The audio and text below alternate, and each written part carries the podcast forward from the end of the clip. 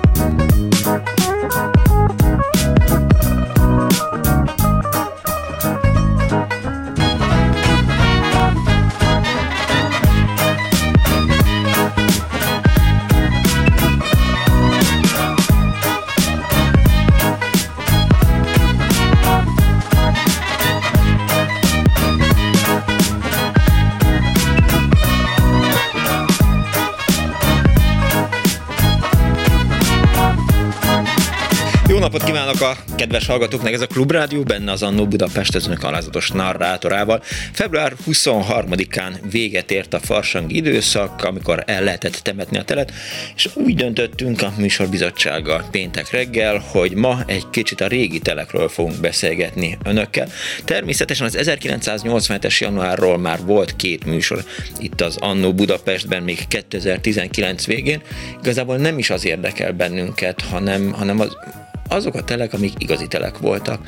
Kardos Józsi nagyon jó cikkeket küldött 1949-ből, 1933-ból, a 60-as évekből.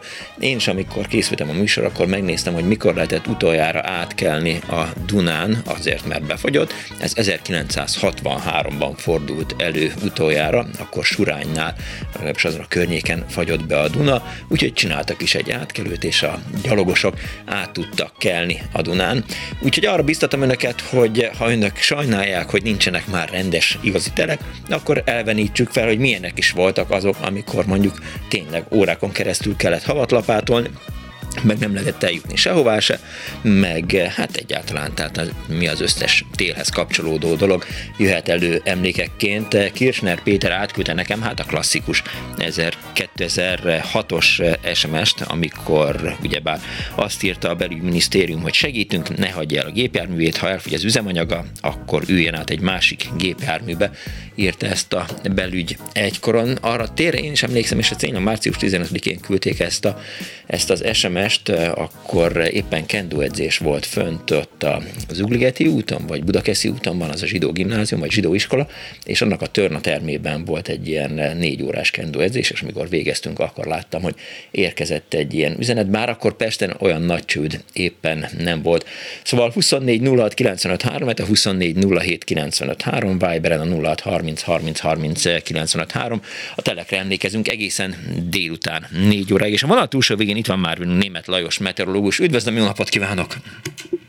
Jó napot kívánok, szervusz, üdvözlöm a kedves hallgatókat. Melyik a kedvenc? Jó, jó, legyen úgy megtisztel, köszönöm szépen, hogy eh, melyik a kedvenc évszakod? Hú, most elmentél, ne haragudj, nem hallak. Jó, akkor megpróbálom még egyszer feltenni a kérdést. Melyik a kedvenc évszakod? Én teljesen skandináv típusú hideg, és nem azért beszélgetünk, mert erről beszélgetünk most, hideg típusú ember vagyok, és meg is mondom, hogy miért, mert mostanában ugye tapasztaljuk mindnyáján, hogy egyre melegebbek a nyarak, egyre forróbbak, és a bármilyen hideg ellen tudok védekezni, még egy pulóverrel többet veszek föl, vagy téli kabátot uh-huh. még melegebbre cserélem, és onnantól kezdve rendben van. Ugyanakkor a 35 fok fölötti pozitív hőmérséklet, kánikulával, hőséggel nem tudok mit kezdeni, mert van egy határ, után már nem tudok mit levetni, és innentől kezdve ö, könnyen mondhatják, akár a kedves hallgatók közül is jó néhányan, igen ám, de itt van akkor, és kapcsoljuk be a klímaberendezést, de ez nem megoldás semmiféleképpen. Energiafelhasználás is egyebekben. Tehát a rövid kérdésedre a rövid válasz, én ö, teljesen hideg, téli párti vagy a skandináv típusú. Az életem jelentős részét, ha tehetném, akkor északon, a Jólupukkinál, föl a Finneknél, vagy, vagy Svédországban, Norvégiában tölteném. Tehát ide születtem a Kárpát-medencébe, hál' Istennek, és nagyon-nagyon szeretném, hogy négy évszakos legyen az időjárás, mint ahogy évszázadokkal ezelőtt ez így volt, vagy legalábbis a feljegyzések szerint mindenféleképpen így volt. Egy biztos, hogy ilyen enyhe telek, mint amiket mostanában megérünk, nem nagyon fordultak elő, legalábbis az én emlékeimben. De ha mondjuk elmennél a skandináv országban, nem zavarna az, hogy éjjel-nappal sötét van, és aztán szeptembertől márciusig mindig fel kell kapcsolni a villanyt? Valószínűleg zavarna, de és mivel lányom kinél Finországban, ja. ezért elég sokat, sok időt töltök kint a téli fél évben, ott karácsonyi ünnepek, vagy téli síszünet, és igazán az, hogy föl se kell a nap, megéltem ma olyan pillanatot is, nem azért, mert volt az ég, hanem mert egyáltalán csillagászatilag nem jön föl. Viszont a kárpótlás megvan a nyári időszakban, amikor nem nyugszik le. Szokás kérdése, én olyan hosszú időt még nem töltött hittem el ott egy huzamban, hogy ez zavart volna, vagy untam volna ezt a dolgot. Uh-huh. Tehát szívesen visszajövök én ide, de ez a locspocs, aztán ez a télnek csúfolt 2023-24-es néhány hónap, szóval én kész vagyok tőle. Igen, hát mondjuk ki, hogy ez vicc, ez nem tél, hát szedje már össze magát. Tehát évtizedeken keresztül hallottuk, hogy téltábornok jön, meg támad, ehhez képest hát téltábornok még örmester sem tud lenni, és hát messzire elkerül bennünket. Nagyon erős a, az a hadsereg, amelyik délről és nyugatról szállítja a léghullámokat, hogyha már itt katonai szakzsargont is belevetünk ebbe a dologba. Volt az idei esztendőben, az idei télen is fönn Skandináviában, illetve az orosz síkságon kemény, mínusz 35, sőt néhol mínusz 40 fokot is mértek, de az erőteljes nyugati, délnyugati áramlás megállt parancsol ezeknek a sarkvidéki, illetve szibériai léghullámok fogtak, és nem tudták áttörni. Innentől kezdve mi mindig az enyhe oldalon maradtunk, úgyhogy az idei, tehát a 2023-24-es tél itt Európa jelentős része, itt a Kárpát-medencében is nem kap tőlem katonai rendfokozatot, ez az a közlegény kategória. Igen, igen. Te emlékszel arra, hogy, hogy melyik volt a legkeményebb tél, amikor mondjuk akár már dolgoztál is meteorológusként, és jelentened kellett, hogy fú, hát a hőmérő higanyszála az olyan mélybe csúszott, hogy a négyes metróval kell utána mennünk, vagy, hmm. vagy úgy gyerekkorodban voltak-e rendes telek? Mind kettőre igennel fogok válaszolni, és, és mivel az én elég sok telet megéltem már, szám szerint legalább 73-at vagy 74-et, ezt nem tudom, attól függ, hogy nulláról vagy egytől kezdem el számolni a, a telek, az eltöltött telek számát, de az az igazság, hogy olyan, amikor mínusz 30 fokos hőmérséklet volt Magyarországon a téli időszakban, ilyenre nem kell olyan nagyon visszamennünk a történelemben, mert valamikor 2003 környékén, tehát már a 21 század uh-huh. Kezdetén volt egyszer, és hát nem tudom neked mennyire ismerős, vagy a kedves hallgatóknak mennyire ismerős az a nép, és az a település nép, hogy Magyarország leghidegebb pontja Zabar. Ez Nógrád megyei kis község, a szlovák határ mentén, uh-huh. a Bükkhegység, a Mátra, illetve a, a, szlovák érzhegységből le, leáramló hideg levegő meg ebbe a völgybe ott megszorul, ezért ott már mértek mínusz 30 fokos hőmérsékletet, tehát ilyet én már megértem, sőt elmentünk oda kollégákkal forgatni is, amikor mérték ezt a mínusz 30 fokot, és ott megkérdeztük az ott lakókat, hogy akik egy ilyen ködmönben, de egyáltalán nem extrémen mhm. felöltözve, megkérdeztük tőlük, hogy hát hogy élték meg ezt a mínusz 30 fokot, nem értették a kérdést, mert igazán ők hozzászoktak ahhoz, hogy télen hideg van, legyen tél, és ezt a mínusz 30 fokot is, hát azt nem mondom, hogy fütyűrészve, de azért elviselték. Aztán mondok egy másik dolgot, hogy Magyarországon ugye ez a bárját, 1900, ha jól emlékszem, 1942-ben, tehát 40-es években biztos mérték az abszolút minimum rekordot Görömböly, Tapolcán, Miskolcon a mínusz 35 fok. És igazán én, és már Finországról beszéltem, egyszer, egyszer kín a Lapföldön kín voltunk sielni, és kinéztem a szálloda ablakán, amikor a reggeli, reggeli órákban ugyanolyan ilyen digitális hőmérő, forgó hőmérő volt a főtéren, mint ami nálunk a nyugati téren uh-huh. szokott lenni. Most nem tudom, hogy mutatja vagy nem mutatja Nincs. a hőmérsékletet, de régebben ezen mindig le lehetett olvasni. És kimentem, megnéztem, ez körülbelül egy olyan jó 15-20 évvel ezelőtt volt, kimentem, megnéztem, mínusz 34 fok, mondom, ezt muszáj lefotóznom. Mire felöltöztem, felvettem sárkesztyű, sapka és minden egyéb, kimentem, beállítottam a fotógépet, mert ez már csak egy fok a magyarországi abszolút minimumhoz képest, és föladta, megadta magát a telefon, nem bírta az akkumulátor ezt a nagyon hideget, tehát ezek a mi kis mobiltelefonjaink is inkább az enyhébb időszakra vannak szakosodva. Aztán a legemlékezetesebb telem mindenféleképpen, és most megyek vissza az időben, amiről itt a bevezetőben is beszéltél már, és sokan át is élték az idősebb korosztályban, az 1987. január 11-én, amikor összecsapott a délről érkező enyhe, nedves, és az északról érkező, akkor jött a téltábornak, akkor jött északról a nagyon hideg levegő, és itt Magyarországon 72 órán keresztül ömlött a hó, orkánedejű 70-80-90 kilométeres szél fújta a havat, mínusz 20 fok volt napközben. Hmm. Na, az emberes időjárás volt, megállt a közlekedés, csak a metró Igen. szállíthatta az utasokat. De érdekes módon itt is Budapest győztesen került ki az időjárás támadásából, mert ugyanilyen időjárás volt Bécsben is, egy az egyben ugyanez, tehát nem csak egy ilyen kis térségű támadása volt ez a télnek, és mi előbb normalizáltuk a helyzetet itt a fővárosi lakosok, emberek, mind a bécsiek, az osztrákok, talán jobban megismertük még a lapátnyelét, az osztrákok akkor, már akkor is kevésbé, és, és ezért ha három nap után normalizálódott a helyzet, de az nagyon-nagyon emberes idő volt. Olyan, hogy e, akkor szintén röpködtek a mínusz 20 fokok, sőt mínusz 30 fokot is mértek. Most veszek egy mély lélegzetet, és hagylak téged kérdezni. Ja, ja, ja, nem, nem, nem, nem. De azt gondolod, hogy, hogy le kell mondanunk ezekről a telekről? Tehát ennek most már kész vége? Én azt hiszem, igen. Ó, oh, és a francba. szívvel mondom, előéletemből is adódik ez a dolog.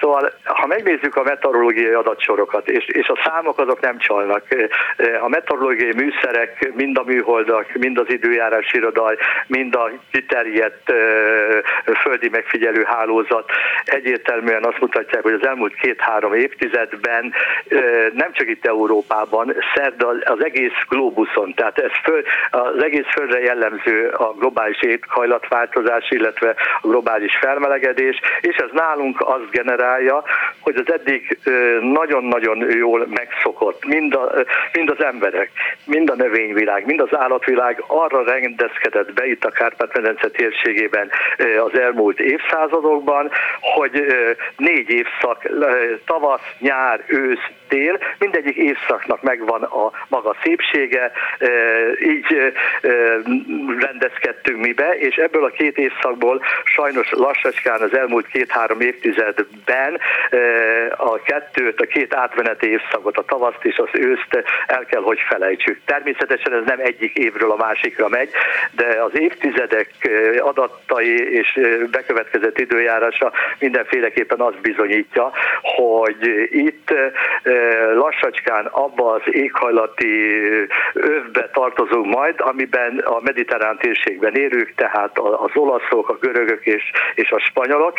Ez nem lenne baj, mert ott is élnek emberek, Hogyne. ott is van növényzet és állatvilág, de ott évszázadok során ahhoz az időjárási körülményhez szoktak hozzá, hosszú, forró, száraz, 35 fok fölötti hőmérséklettel gyakran megspékelt nyári fél év, és a borongós, hűvös, gyakran esős téli fél év, és az elmúlt években nálunk is, itt a Kárpát-medence térségében az figyelhető meg, hogy ez a két átmeneti évszak, tehát a tavasz és a, az ősz, ez eltűnik, és, és van egy ilyen hosszantartó nyári fél év, és egy hosszantartó téli fél év.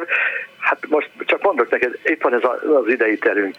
Minusz 10 fok alatti hőmérséklet néhány alkalommal volt itt a Kárpát-medence térségében, tehát lassacskán úgy érzem magam, mintha Rómában élnék. Igaz, hogy egyszer-kétszer láttam hópihét, de tudod, mit sajnálok én nagyon? Na. Azokat a gyerekeket, azokat Igen. a három, négy, öt, hat éves gyerekeket, akik, akik attól az élménytől esnek el, amit én gyermekkoromban, én, én vidéken, Vámos Mikolán, ez a szülőfalom a Börzső uh-huh. vidékén, az Ipoly völgyében, a szlovák határ mentén születtem.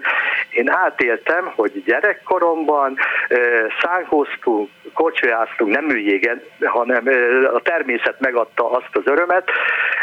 Igaz, most kárpótlásról viszont az ember kitalálta az okos telefonrendszert, de nem ugyanaz. Tehát én ezt nagyon-nagyon sajnálom, és ezeket a gyerekeket különösen, és hát megfigyeltem, hogy itt karácsony előtt volt december 20 tájékán néhány helye az országban, ahol esett a hó, és ilyenkor a, a anyukák, apukák előveszik azt a megporosodott szángot, amit éveken keresztül télen nem nagyon sikerül elővenni, és hogy örülnek ennek a gyerekek? Mert lassacskán mesekönyvekből mutatom meg, hogy hogy, hogy néz ki a fehér táj, Aha. elszomorító. Hát tehát, hogyha van most vevő a, a szánkóra, akkor érdemes gyorsan eladni, mert hogy igazából használni nem függ. Nincsen ígérete egy új jégkorszaknak?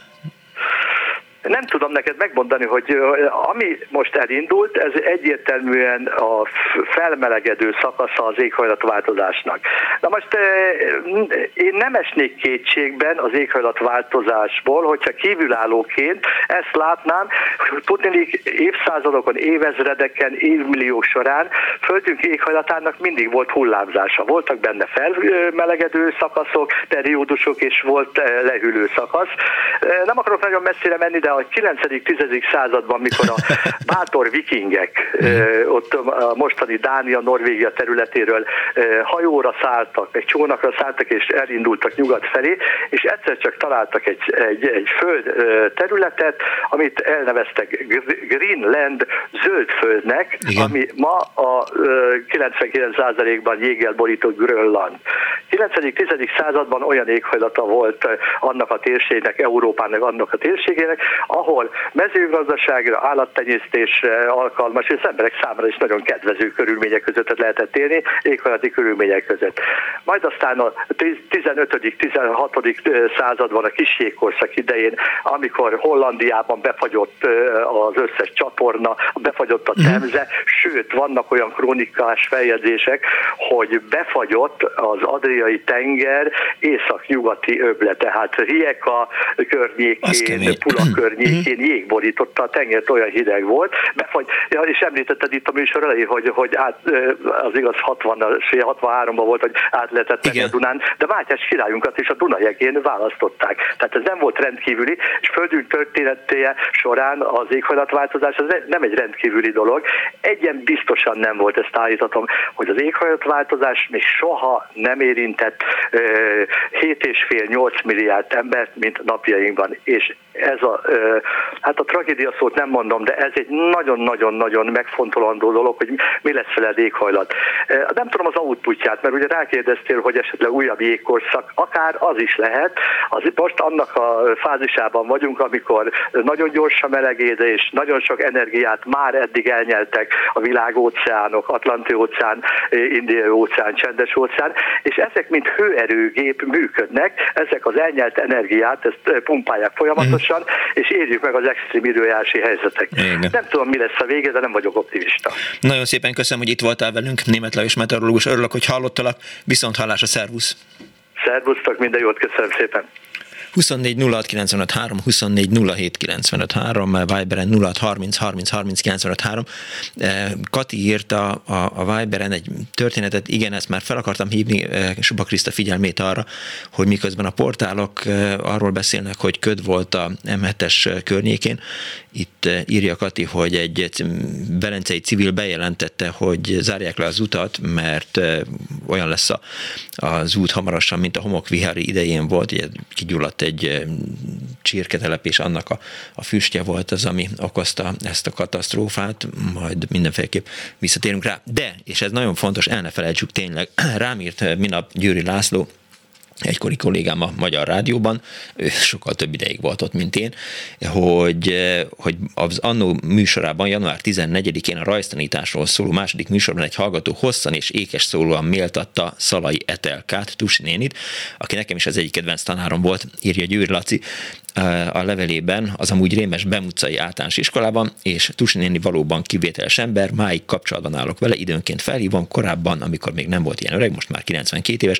elmentem vele kutyát sétáltatni, és arra azt írja Laci, hogy január 14-én az adás után felhívtam, és elmeséltem, hogy mit mondtak róla a rádióban, sírtam meghatottságtól, aztán bejátszottam az archívumban a betelefonáló szövegét.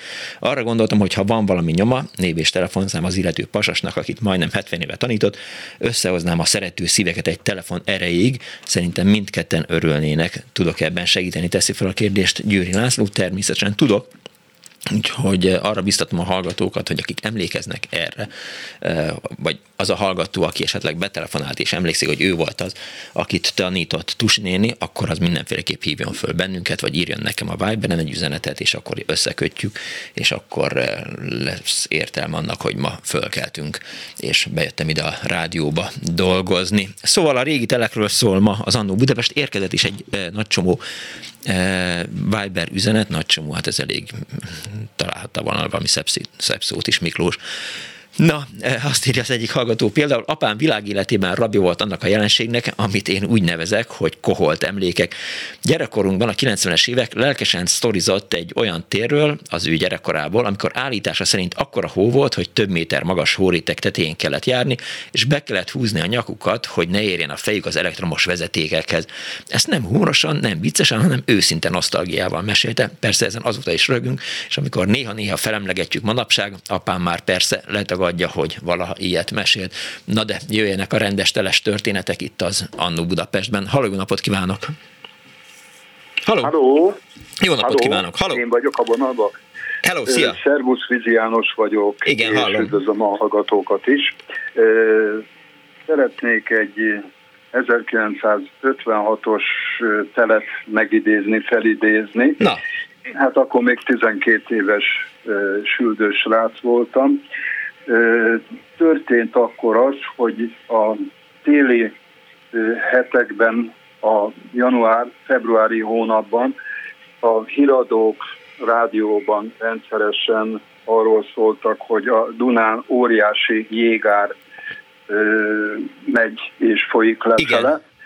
A hídlábaknál hatalmas torlaszok keletkeztek. Mohácsnál. mindjárt, akkor uh-huh. mi még a létező Kossuth hídra mentünk föl, és annak a lábánál ilyen utász katonák vas csónakokon terelgették a jég lapokat, hogy a hídláb megkímélésre kerüljön. Aha. Tehát iszonyatos erővel és mennyiségben zúdult a jég, aminek a következménye aztán az volt, hogy lejjebb helyenként 3-4 méter magas torlaszok keletkeztek. Mohácsnál robbantani kellett, ha jól emlékszem. Így van, utászok aknavetővel robbantották a jeget, és hát így tudták valamennyire megindítani a jégzajlást, tehát irdatlan erős volt a jegesedés. Az még az én gyerekkoromban is volt eh, híradókban időnként, hogy így lehetett látni, hogy a, a Dunán robbantják a, a jeget. A Már jeget, pedig az, igen, az nyilván, hogy, hogy 70-es évekbe kellett, hogy történjen, mert 56-ban még éppen nem éltem. Igen, És utána is igen, egy volt a későbbiekben is ilyen állapot a Dunán, igen. Ebben az évben elég katasztrofális volt a tüzelőellátás, a emlékszem a szüleink, akik kapták ezt a szakszervezeti tüzéputalványt, uh-huh. mentek a különféle lerakatokat járva, hogy valahol találjanak már valami mennyiségben tüzelőanyagot, szenet, fát, és hát sok esetben eredménytelen volt végül is három-négy helyről tudták összeszedni a jegyre felvehető mennyiséget, és hát azért az nem volt egy egyszerű dolog. Az iskolánknál ugyanez volt a helyzet, a Rottenmüller utca iskolába jártam, uh-huh. ahol hát még a tantermekben vaskályhák voltak, faj és széntüzeléssel voltak bedurrantva. A gondnok bácsi az már reggel ötkor kezdte a működést. Jani, bocsánat, hogy Igen? a Rottenbilleren hol volt iskola? Kérlek szépen, a Rotten, majdnem a lövöldetér. Tehát, ja, igen, tehát a lövöldetér és a Dajmanics utca között, ami most pillanatnyilag azt hiszem, hogy Marék Veronika vagy, vagy valamelyik, vagy Janikovszkéva iskola volt, azt hiszem. Igen, igen, így van. Mellettünk volt a magyar hanglemez gyártóvállalatnak. Stúdiója, igen, igen, igen, megvan, persze. Ott, mindig, Naponta megyek ott. Kimentünk, mindig sikerült neves akkori táncdal énekeseket, meg zenészeket látni. Erre jó volt a közelségük. Bent a kájhákhoz szükséges tüzelőanyaggal megint csak gond volt, nem volt elegendő, és akkor kérték a tanítók, hogy hát aki tud otthonról hozzon. Oh. És hát akkor ez a spárga cekker volt a divat, uh-huh. talán ismerős a Hogyne, ö, persze. tárgy. Hát abba vittük a fát, a szenet, és akkor hát valamilyen módon ilyen piknik alapon szerveztük meg a termeknek a ez igen. fűtés. Uh-huh. Hát jobb hiány ez működött, és hát ez segített. Egyébként a közelbe volt a Rottenbiller utca Damianic sarkától egy picit a Barostér irányába, lehet, hogy még ma is, a budapesti teipari vállalatnak egy nagy depója. Nincs már az meg? Már nincs meg. Vidékről a kocsikkal, terjárgányokkal odahordták a helyet, és akkor onnan szortírozták és mentek a fővárosi különféle üzletekbe a tejszállítások. Ekkor volt az, hogy a tejipari vállalattól megkeresték, hát elsősorban közelben volt egy ipari tanulóintézet, de minket is, hogyha ilyen jobb fizikumú gyerekek, ha önként vállalnák a segítségnyújtást, akkor szívesen vennék, mert hát részben a teljes kannáknak a töltésébe, rakódásában, meg hát a bejáratnál a hóeltakarításban nagy szükség lenne a segítségre, és hát volt is mindig segítőkéz, úgyhogy ott mindig egy 25-30 hát ilyen 15-16 év körüli gyerkőc nagy viháncolással, mert azért azt is természetesen beiktatták. Csinálták a, a hóeltakarítást, meg hát a ö, tejnek a kezelését, illetve hát ott a kannákba töltését, úgyhogy ez is egy ilyen érdekesség volt annak idején. Jól van akkor. Hát ennyi, ennyi volt a tél. tulajdonképpen, okay. ami úgy beugrott nekem 56-ról. A 87-ről nem szólnék, mert arról már persze, persze, szól. Igen. Úgyhogy akkor mi megszerveztük a kenyérszállítást a cégünkhöz a százados úti kenyérgyárból, mert mizéria volt a pékáróval, és a cégeknek külön igénylésre lehetett mennyiségeket felvenni, és hát mi is szerveztük, hogy a 300 dolgozónak naponta egy barkasznyi kenyeret el tudjunk hozni a százados úti kenyérgyárból. Úgyhogy hát ilyen érdekes világ volt. Köszönöm Ennyi szépen, hogy hívtál. Köszönöm Köszi. én is. Szervusz. Viszont hallás a szervusz. 24 06 95 3, a 24 07 95 3, Viberen 06 30 30 30 95 3. Azt írja az egyik hallgató, 60-as évek eleje a Szondi utcában 10-20 méterenként kisebb szabályos formájú hódombokat gyártottak a hómunkások, amelyekről jó volt lecsúszkálni. A járda melletti jégen akár 6-10 méter hosszú, bőrtalpú cipővel kisebb nekifutással végcsúszható pályák voltak imádtuk, írta István, illetve szintén ahhoz, arról a korszakról ír Judit.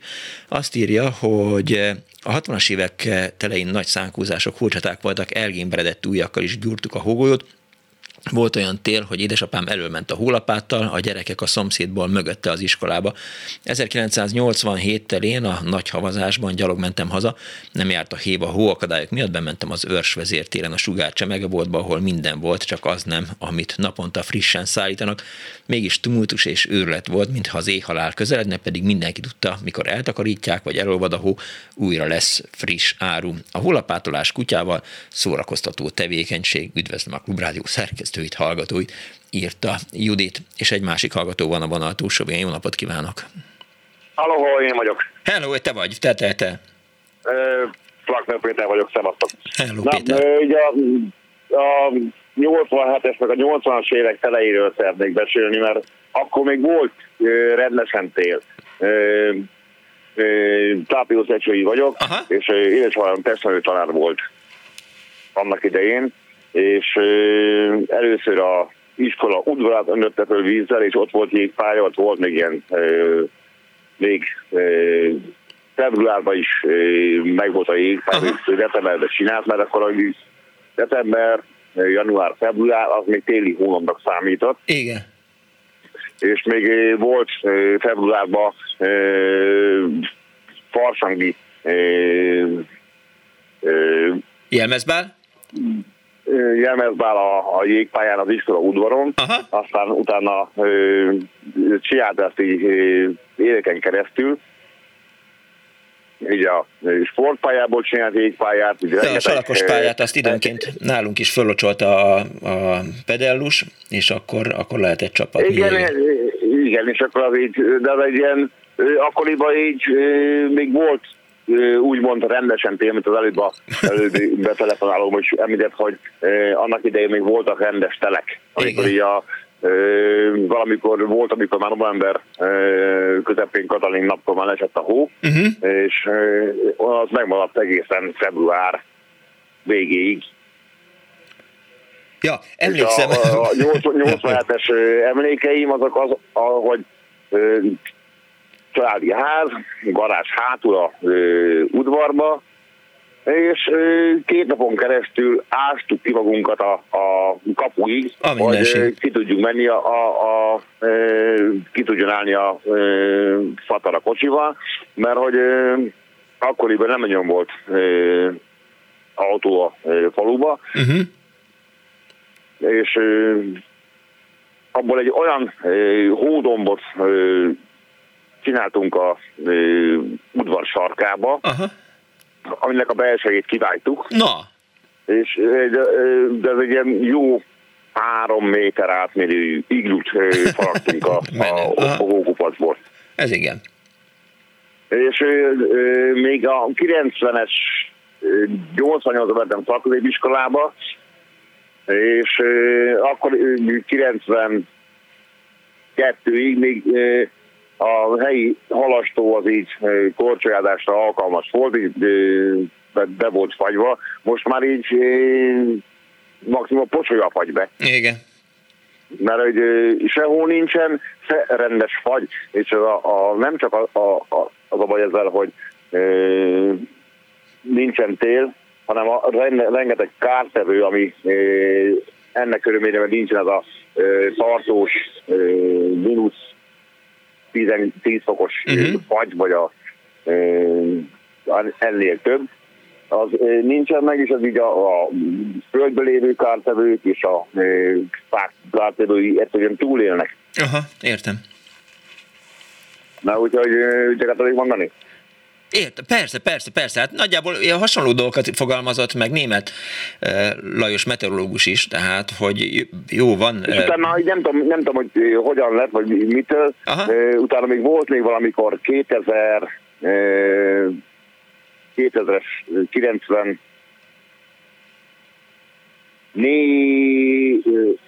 5-6 környékén még voltak még rendes telek, azóta meg így alkalmanként. Igen. Temetjük a telet. Hát a kisfiam az most 9 éves, Uh-huh. annak idején vettünk egy szánkót. Igen. Amikor még ö, pelenkás volt, vagy még ilyen fél éves, akkor még volt még, vagy egy éves körülbelül, akkor még volt még hó, de akkor ezt így ő nem nagyon tudta élvezni. A Azóta meg már nem látott volt. havat. Aha. öt, öt, éves, öt éves volt, amikor először ö, ki tudtunk menni valahova szánkózni. Igen. Azon gondolkodom, mert ugye beszéltünk arról, hogy az idei tél is hát ilyen, ez tényleg nem nagyon Semmi. volt nevezhető, Semmi. talán december 24-én esett, azt hiszem, vagy 23-án a, a, a hó, de hát Igen, volt, volt, volt. Az is csak mutatóban. Karácsony, 23-án, mert ez egy pont otthon voltam anyukámnál, és nagyon szép hóesés volt, de reggel elment egész. igen, igen, a francba, Utána meg maradt belőle szilveszterre a eső. igen. Ja, ja, ja. Ami meg, Jól van, köszönöm Na, szépen, hogy hívtál. Oké, okay, köszi. Hello, viszont a szervusz. Itt van előttem egy jó 1933-as magyar hírlap. A hótorlaszok miatt Somogy-szobnál kisiklott a fiúmei gyorsvonat. A hófúvás nagyrészt megszűnt az országban, de a forgalmi zavarok egyes helyeken még tartanak, és aztán itt eh, az újságíró felleveníti azokat az eseményeket, amelyek ide vezettek, beszámol alaposan arról, hogy mi is történt. A fiúmei gyorsvonat a hó és a jégtorlaszok miatt csiklott Somogy-szobnál. A kisiklás nagy ijedelmet okozott a gyorsvonat utasai között, között, akik segélyvonattal jutottak el a legközelebbi csatlakozó állomásig, ahonnan aztán átszállással folytatták útjukat. Istenem, Somogy milyen sokszor álltam meg, mert mert tudják, hogy, hogy Nagyatádi a, a rokonság, vagy Nagyatádi volt a rokonság, plusz ráadásul a, a, a néphadsereg is ott volt a, a Somogy szob mellett, úgyhogy de hát ez senkit nem érdekel. Na majd, de, de egy, a másik hallgató az biztosan igen. Haló? Jó napot kívánok! Kész csókom, jó napot! Virág Anna vagyok. Kész csók Anna. És azt szeretném elmondani a Surányi és Felsőgöt közötti Dunai útról. Ha 63-asról? nem ám csak gyalog tudtunk átmenni, hanem gyerekként sorba álltunk, hogy lovas kocsival menjünk át Surányba, meg vissza. Őrület. Úgyhogy lovas kocsiztunk, ezt soha nem felejtem el Sokat, mert hozták át a por- portékákat, uh-huh. és sokan jöttek át onnan, és állandóan kimentünk és rovaskocsiztunk. Úgyhogy nagyon jó volt. Arról nem beszélve, hogy a gát fölött érő jéghegyek voltak a bástyán, uh-huh. és, és mi a gát oldalból a Dunába csúszva szánkoztunk, jó messzire ott versenyeztünk, hogy ki megy messzebbre, és az iskolába úgy mentünk, Igen. hogy a felnőttek árkotástak a, a hóba, Aha. és én nem láttam ki. Olyan ösvényt ástak, hogy úgy mentünk iskolába. Aha. Hát... Viszont egyszer olyan hideg volt, sajnos nem volt kesztyűm, nem, nem, hát nem volt, és olyan hideg volt, emlékszem annyira, hogy eh, félúton az országútnál eldobtam a táskám, hogy a zsebembe oh. tudjam tenni a kezem. Nagyon-nagyon hideg volt, nem tudom mennyi, de nagyon lefagytam. Kezem, lábam, csak egy ilyen bőrtalpú, magasszárú cipőm volt sajnos, és teljesen lefagytam. Kezem, lábam, mindenem, mire hazaértem a iskolából a Dunapartra, hát szörnyű volt, azt se felejtem soha, és eldobtam a táskám, és a szerencsétlen kisöcsémnek kellett értemenni. Úgyhogy, úgyhogy hát nagyon emlékezetesek voltak, de nagyon szép volt ez. Rengeteget szánkoztunk, domról le, domról föl, úgyhogy a Gödi dombokon is, úgyhogy nagyon jó volt nekem úgy. Hát képzelje, hogy igen, hogy, hogy Anna hány éves volt a 60-as években? Hát gondolom 6-7. Hát, hát 68-ban végeztem a sulival, uh-huh. Hát még azért nem végeztem akkor még, akkor még rendesen jártam a suliba. Csak kicsi növésű vagyok, és nem láttam ki a hóból. Az igen. Úgyhogy, de nagyon, nagyon, akkor is jó volt, élveztük nagyon. Nagymamámat például úgy vitte, ugye tanyavilág eh, pusztaszerről beszélünk, ott úgy vitte azt hiszem az édesapja iskolába, hogy, eh, hogy beültette a talicskába, a gyerek kezébe, tehát nagyanyám zsebébe tett egy sült krumplit, tehát egy ilyen hajába sült krumplit, és akkor uh-huh. addig nem fogyott meg a keze, amíg beért az iskolába, tehát utána tudott írni meg, hát gondolom még palatábával egy kicsit ügyeskedni. Hát igen, az az okos ötlet volt. Nekem nem volt sűrkumplija, se az zsebembe, se se volt. Most szólok. Hát ha... én azt hittem, lefagy a kezem. Ha úgy alakul, akkor ez a megoldás. Már nyújtam is segítőkezemet mindenkinek. Jó van, köszönöm Köszönöm szépen, szépen Anna. Viszont nem hallásra. tudom, lesz még ilyen hideg, de megfogadom. Nem lesz, az nem. a baj, elengedtük nem ezt, kész. Lesz. Igen, igen. Hát szomorú vagyok, mert én is inkább a teret bírom, ahogy a Lajos. Hát, Úgy, igen, látja, én például nem zavar a tél, mondjuk így igen. a annyiból zavar, hogy, hogy sportolni egy kicsivel kevésbé lehet jól, mert ugye ha jég van, hó van, akkor csúszik, meg hóban nem lehet futni. Bizony. Azt így nem szeretem. Nyarat egy kicsivel talán jobban, de hát tudom, hogy nem lehet válogatni, úgyhogy az van, amit Tehát ez már nem nyár, ez tűz forróság, az már, ez már nem igazi nyár se. És még Na. éppen az egyik hallgató írt a Viberen, csak akkor még éppen Lajossal beszélgettem, hogy mostanában az a fura, hogy a nyarak is olyanok, hogy olyan hűvös van éjszaka, hogy éjszakára be kell csukni a, az ajtót, ezt így nem is pontosan mivel lehetett és ezt ezek a rettenetes viharok, és még utána se hűl le a levegő, mint régen. Igen. Egy, egy zápor zivatar után olyan jó levegő lett, hűvös minden, emlékszem. Most nem. Le se hűl, marad a tűzforróság, a pára, minden, megfulladunk egyszer ebbe. Igen. Ja, jó Köszönöm hát, szépen. Ennyi. Viszont hallásra. Viszont hallásra, köszönöm. Azt írja Zsolti a Béka a Viberen. Sziasztok, átéltem az 1984-es hóvihart, vonattal mentem volna Tatabányára, Geuszak közébe, Siófokról. Nagyot taknyoltam a sinen, eh, sokat kisett a vonat, dugig volt, négy-öt óra alatt ért Pestre, eh, busziján gyalogoltam pár kilométert a rokonokig, egy hétig dekkoltam. 2000-ben eh, Sárospatakról mentem Cigándra 1003-as ladával, nem volt tábla, hogy járhatatlan, Cigánd előtt utolértem két hómarót, mentem utánuk, háromszor akadtam el, de volt nálam lapát, meg homok, sikerült átkelnem, kint volt a fél falu, meg a polgi, úr is volt a döbbenet, amikor a marok, mar, nem, igen, tehát a, a marók után, tehát mint a hómarók után felbukkantam.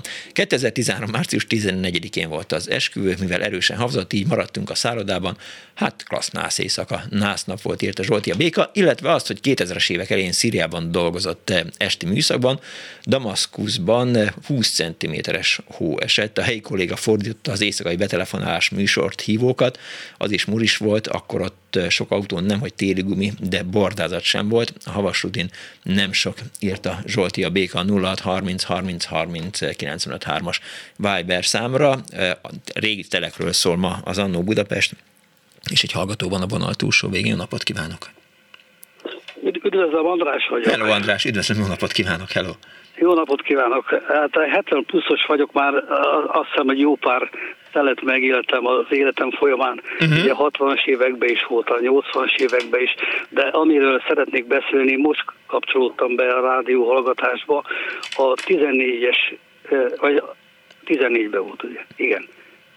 2014-es térről szeretnék egy információt Hallgatom. átadni. Kórházban voltam egy nagy autóbaleset oh. miatt négy-öt hónapig, és gyakorlatilag rengeteget autóztam, rengeteget vezettem, de akkor még nem voltam olyan állapotban, hogy én vezessek, és uh-huh. egy mhm. üzleti ügy miatt fel kellett mennem Kaposváról Pestre. És egy kollégámat kértem meg, hogy vezesse az autómat. Hát rengeteg szenvedtem miatta, mert hát teherautó sofőr volt, nem úgy vezetett, ahogy szerettem volna, de mindegy, elviseltem. És már Kaposváron déli órákban elkezdett nagyon esni a hó, akkor felértünk az autópályára, ott már csúszkáltak a kamionok, uh-huh. már ott rengeteg probléma volt, olyan három órára értünk fel Pestre kb. délután. E, elintéztem a dolgaimat, és elindultunk haza. Visszafelé, aha. Akkor már az autópálya le volt zárva visszafele a, a Kaposvár irányába, vagy a nyugati irány. És akkor a régi hetesen mentünk ki. Tárnokig elmentünk, ott lezárták az utat. A tárnokból bementünk a, a, az autópálya benzinkutra, olyan este 5-6 óra volt. Akkor ott megvacsoráztunk, gondoltuk, hogy most már majd felszabadul a pálya. Hát lépésbe olyan este 9-ig Székesfehérvárig eljutottunk. Oh akkor bementünk a városba, tessék elképzelni, összejártuk az összes szállodát, nem kaptunk szállást oh. sehol. Aha. Nem, lehet, nem lehetett kijutni Székesfehérvárra sem erre. Akkor lementünk a, az állomásra, leparkoltuk az autót, felültünk a vonatra, és visszamentünk Pestre. Uh-huh mert ott lakott az egyik fiam, és gondoltam, hogy ott majd e, tudunk szállást kapni. Hát igen, ott is e, maradtunk éjszakára. Reggel visszamentünk vonattal a Székesfehérvárra, ugye az autót kiástuk a hóból, uh-huh. és elindultunk, hogy kimegyünk majd valamára. Sehol nem tudtunk kijutni. Valamikor a déli órákban lehetett a régi hetesen eh, kijutni uh-huh. Siófokig. Hát valamikor a három-négy óra fele értünk le Siófokra, akkor biztos rengeteget lehetett látni, hogy mennyi probléma volt az országúton. Hát ez két nap alapos program volt nekem, és az, az, az élményt szerettem volna megosztani, hogy nem volt könnyű elviselni ezt az éjszakát, meg ezt az útviszonyokat. Borzalmas volt, egy terepjáróval mentünk, és azzal nem tudtunk közlekedni, egyszerűen nem lehetett az autópályán menni, rengeteg gondol, visszafordítottak bennünket. Mert én abban az éjszakában kim voltam, csak azért gondoltam, hogy átadom ezt az élményt. Nagyon jó tette. Én, én, én részese voltam ennek a dolognak akkor. És a vonatok legalább jártak? Tehát könnyű volt visszajönni Pestre a fiához? Hát egy-két vonat ment. Egy-két uh-huh. vonat. Úgyhogy az, azok, azok tudtak közlekedni, de az, az autópálya abszolút, abszolút nem lehetett közlekedni. És Pesten is lehetett hát be... olyan, olyan hófalak voltak, a régi hetesen jutottunk le Siófokig, uh-huh. egyszerűen ilyen harckocsikkal, meg különböző honvédségi kotrókkal próbáltak ut, utat tisztítani, hogy tudjunk eljutni. Úgyhogy gyakorlatilag másnap este értünk haza. Ja. Hát ennyi volt, és elnézést kérek, hogy itt fenntartotta magukat. Nem tartott fel egyáltalán. Köszönöm szépen, viszont hallásra! Viszont hallásra. Ja, az előbb rosszul interpretáltam Tamás üzenetét. Azt írja, hogy már több mint tíz éve olyan hűvesek a nyári éjszakák, hogy zárva kell hagyni éjjelente a lakásom ablakait. Mit szólnak ez a különös jelenséghez? A meteorológusok teszi fel a kérdést, és azt írta, hogy nem azt írtam, hogy nyári éjszakán be kell csukni az ajtót, hanem az ablakokat kell zárva tartanom, írta. Igen, csak közben nem volt megnyitva ez a Viber üzenet, tehát azért nem pontosan mondtam. És ráadásul az egyik hallgató küldött egy képet, képet, Katalin, illetve több képet is. Az egyik az Abaliget január 19-én, hát fantasztikus eh, terasz, kert, udvar, és akkor a hó van a fenyőfán, mint eh, ide Nagykáta, nagyon szép kép, illetve hát küldött egy másik képet is, amin 2023 eh, december 8-án. Hát gondolom ez ugyanaz a kert, de minden esetre abban is rendes hó van. Igen, nyilván van mutatóba hó, meg, meg valóban volt idén karácsony, tavaly karácsonykor is valami kis hószerűség, de, de az igazi teleket azért megpróbáljuk ma visszasírni. Halló, napot kívánok! János vagyok. Hello. Az élet a legjobb, legjobb rendező. Éppen diktáltam a telefonszámomat, letettem a telefont, köszönöm a kollégának, hogy bekapcsolt. Mikor hallottam, hogy a Tusi nénivel kapcsolatban itt nem vettem ki, tehát én voltam az, aki, hát amikor ez a művészet történt meg. Ja, igen, igen, igen, igen, igen. Akkor itt a Rózsatéri általános iskola és hát a fiatal Tusi néniről beszéltem. Most nem vettem ki, hogy valaki kapcsolatba akar kerülni, vagy? Van egy, egy volt kollégám, egy rádiós kollégám, aki szeretné önt, téged összehozni Tusi nénivel legalább egy telefon erejéig, mert ő nagyon meg volt hát, hatódva akkor, amikor a... hallotta a, a, a, azt betelefonálásodat. Jó, én akkor ezt nem tudom, hogy ha a kolléganővel ezt akkor meg tudom majd beszélni? Meg, meg, meg, meg, Jó, meg, persze. Egyébként ez érdekes lenne, mert ahogy mondtam, hogy Hát ugye 12. november 11-én lettem 60, 62 éves, uh-huh. bocsánat, pillanat, igen, 12, tehát 60 éves, 62 éves lettem, ugye a fölemelt nyugdíjkorhatár, és akkor novemberben hívtam föl, és a Tusin, akiről én beszéltem, éppen 80 éves volt. Aha. Hát én nagyon örülnék egyébként, hogyha még nagyon jól tudtunk vele beszélgetni. Szegény fölsohajtott, hogy jaj. Most már 92 ugye, éves írja. Vagy hány éves volt, amikor Aha. minket tanított, szóval. Jó, akkor ezt a műsoron kívül. Ezt majd megoldjuk, jó. Még, igen, még csak nagyon röviden, mert a múltkor itt nagy idegességem, ez avram, hogy röviden értetően beszéljek. Ugye itt a Luxemburggal kapcsolatban, ott kimaradt végül, mert nekifutottam, csak aztán elterült, hogy a egyetemi színpad, Omega koncert 66 március, a, és hogy mi volt a folyosóra kírva. Na most itt utólag belegondol, ez a régi Omega volt, tehát Laux, Benkő, Kóbor, Varsányi, a Vitek Mária énekesként uh-huh. volt szerződtetve, vagy hogy mondjam, és a, a folyosón, az egyetemi színpad folyosón pedig ki volt írva, ugye a Somló még a, hát ő úgy mondta hogy bohóc képző, tehát tanult, és a Presser az pedig ilyen főiskolai hallgató volt, ha jól emlékszem, tehát ami zeneművészet, vagy nem tudom. Tehát ki volt írva a folyosón, hogy ugye az előbbi felállás plusz Somló Tamás és Presser Gábor, mint vendég.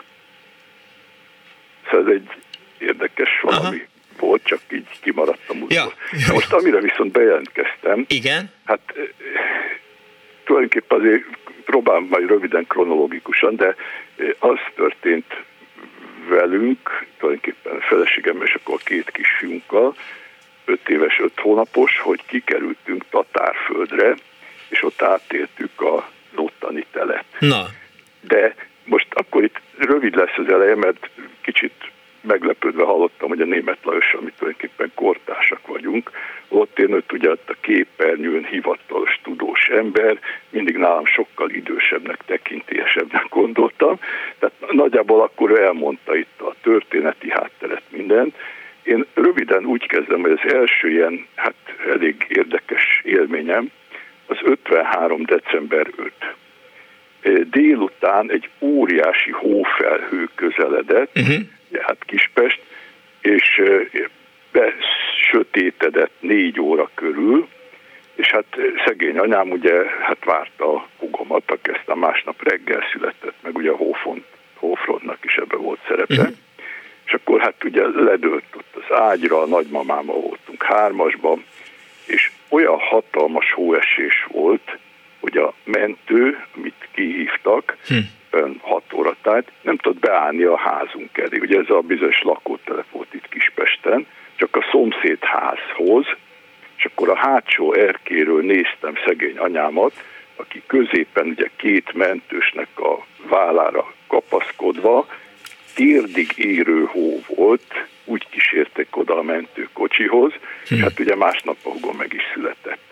És akkor tulajdonképpen több ja, akkor onnan tudod, hogy 53... Ja, jó, jó, jó. Valóban itt a klasszikus teleket uh-huh. leírták.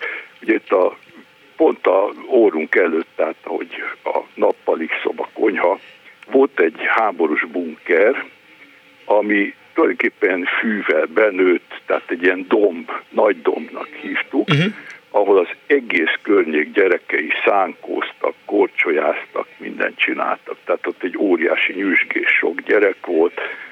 A, tulajdonképpen a, hogy mondjam, a hagyományos teleken, ugye itt, ahogy már átköltöztünk, itt a kertben tudtunk korcsolyapályát csinálni, az iskola udvaron is volt korcsolyapálya, Hát ugye mindenkinek ilyen egyen csavaros korcsolyája volt, ahol vidáman itt korcsolyáztunk, kiártunk a műjégre a középiskolás osztálytársaimmal, ott a Sanyi barátom villogott a hoki korcsolyájával, most akkor kirándultunk a normafához is, ahol szintén ilyen bokáig érő hó, stb. És ott volt egy kicsit életveszélyes élményem, mert akkor nem az a hagyományos, talán három gyerek is rá tudott ülni abból a bizonyos fából készült egyenszánkóra. Tehát nem az volt, hanem valaki hozott egy ilyen kis faülők és egyszemélyes mhm. vasszánkót. És ki volt jegesedve, ott egy hatalmas lejtő volt ott a normafánál, ráüttem erre a kis egyszemélyes vas szánkóra, és ez a Sanyi barátom, aki egy érdekes egyszemélyiség volt, üdvözlöm, ha hallgatja Patrus Sanyi, meglökte a szánkót, megpördültem ugye a kiegesedett részen, és háttal csúsztam le végig, Mm. És az volt a mázli, hogy egy hatalmas hó volt, tehát a végén szabály szerint hátraszaltót csináltam, de hál' Istennek a hóba estem, hát még fiatal és bohó voltam, sportos, hogy nem lett semmi bajom, tehát életveszélyes helyzet volt. Azon Most gondolkodtam, hogy honnan tudod az 53. november 5-öt mondtál? December 5. December 5-öt, aztán rájöttem, hogy, hogy a testvéred akkor született meg a húgot. Tehát, Elmondom, ja. Valószínű az lehet, egyébként, bocsánat, csodálkoznak, én már kicsit félek is magamtól, hogy, hogy de most olvastam valamit, de most nem akarom időt húzni, hogy van egy olyan, akár probléma is lehet, hogy bizonyos emberek akár minden napjukra vissza tudnak élénken emlékezni.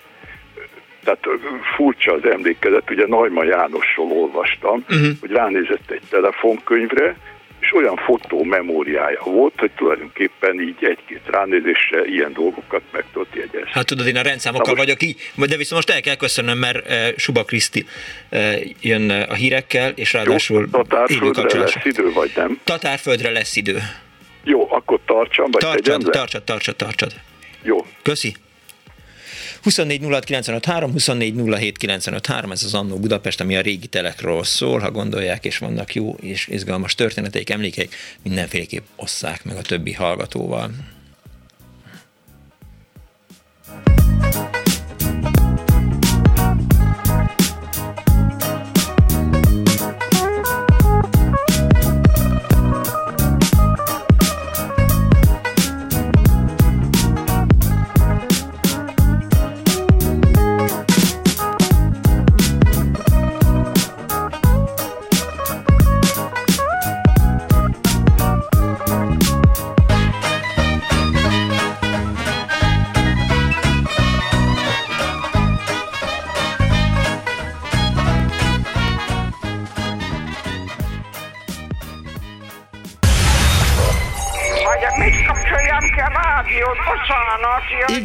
Igen, igen. Elnézést! Jó napot kívánok! Mert ez a kis éppen olyan jó, és éppen azt teszi, amit kell. Annó Budapest, az ismeretlen főváros és Punksnodded Miklós.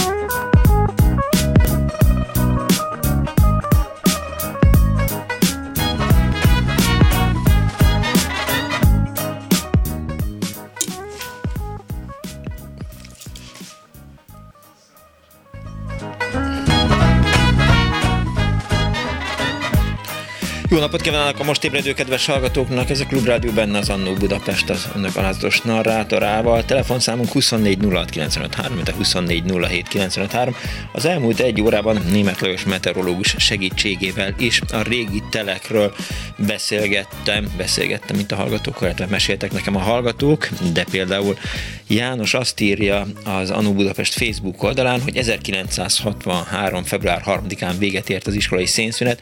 A szénhiány egyik oka az volt, hogy a tömbé fagyott szenet nem lehetett kirakodni a vagonokból, illetve hát József azt írja, hogy hideg nincs, csak rosszul öltözött ember, illetve azt írja Péter a Viber számunkon, a 0630 as Viber számon.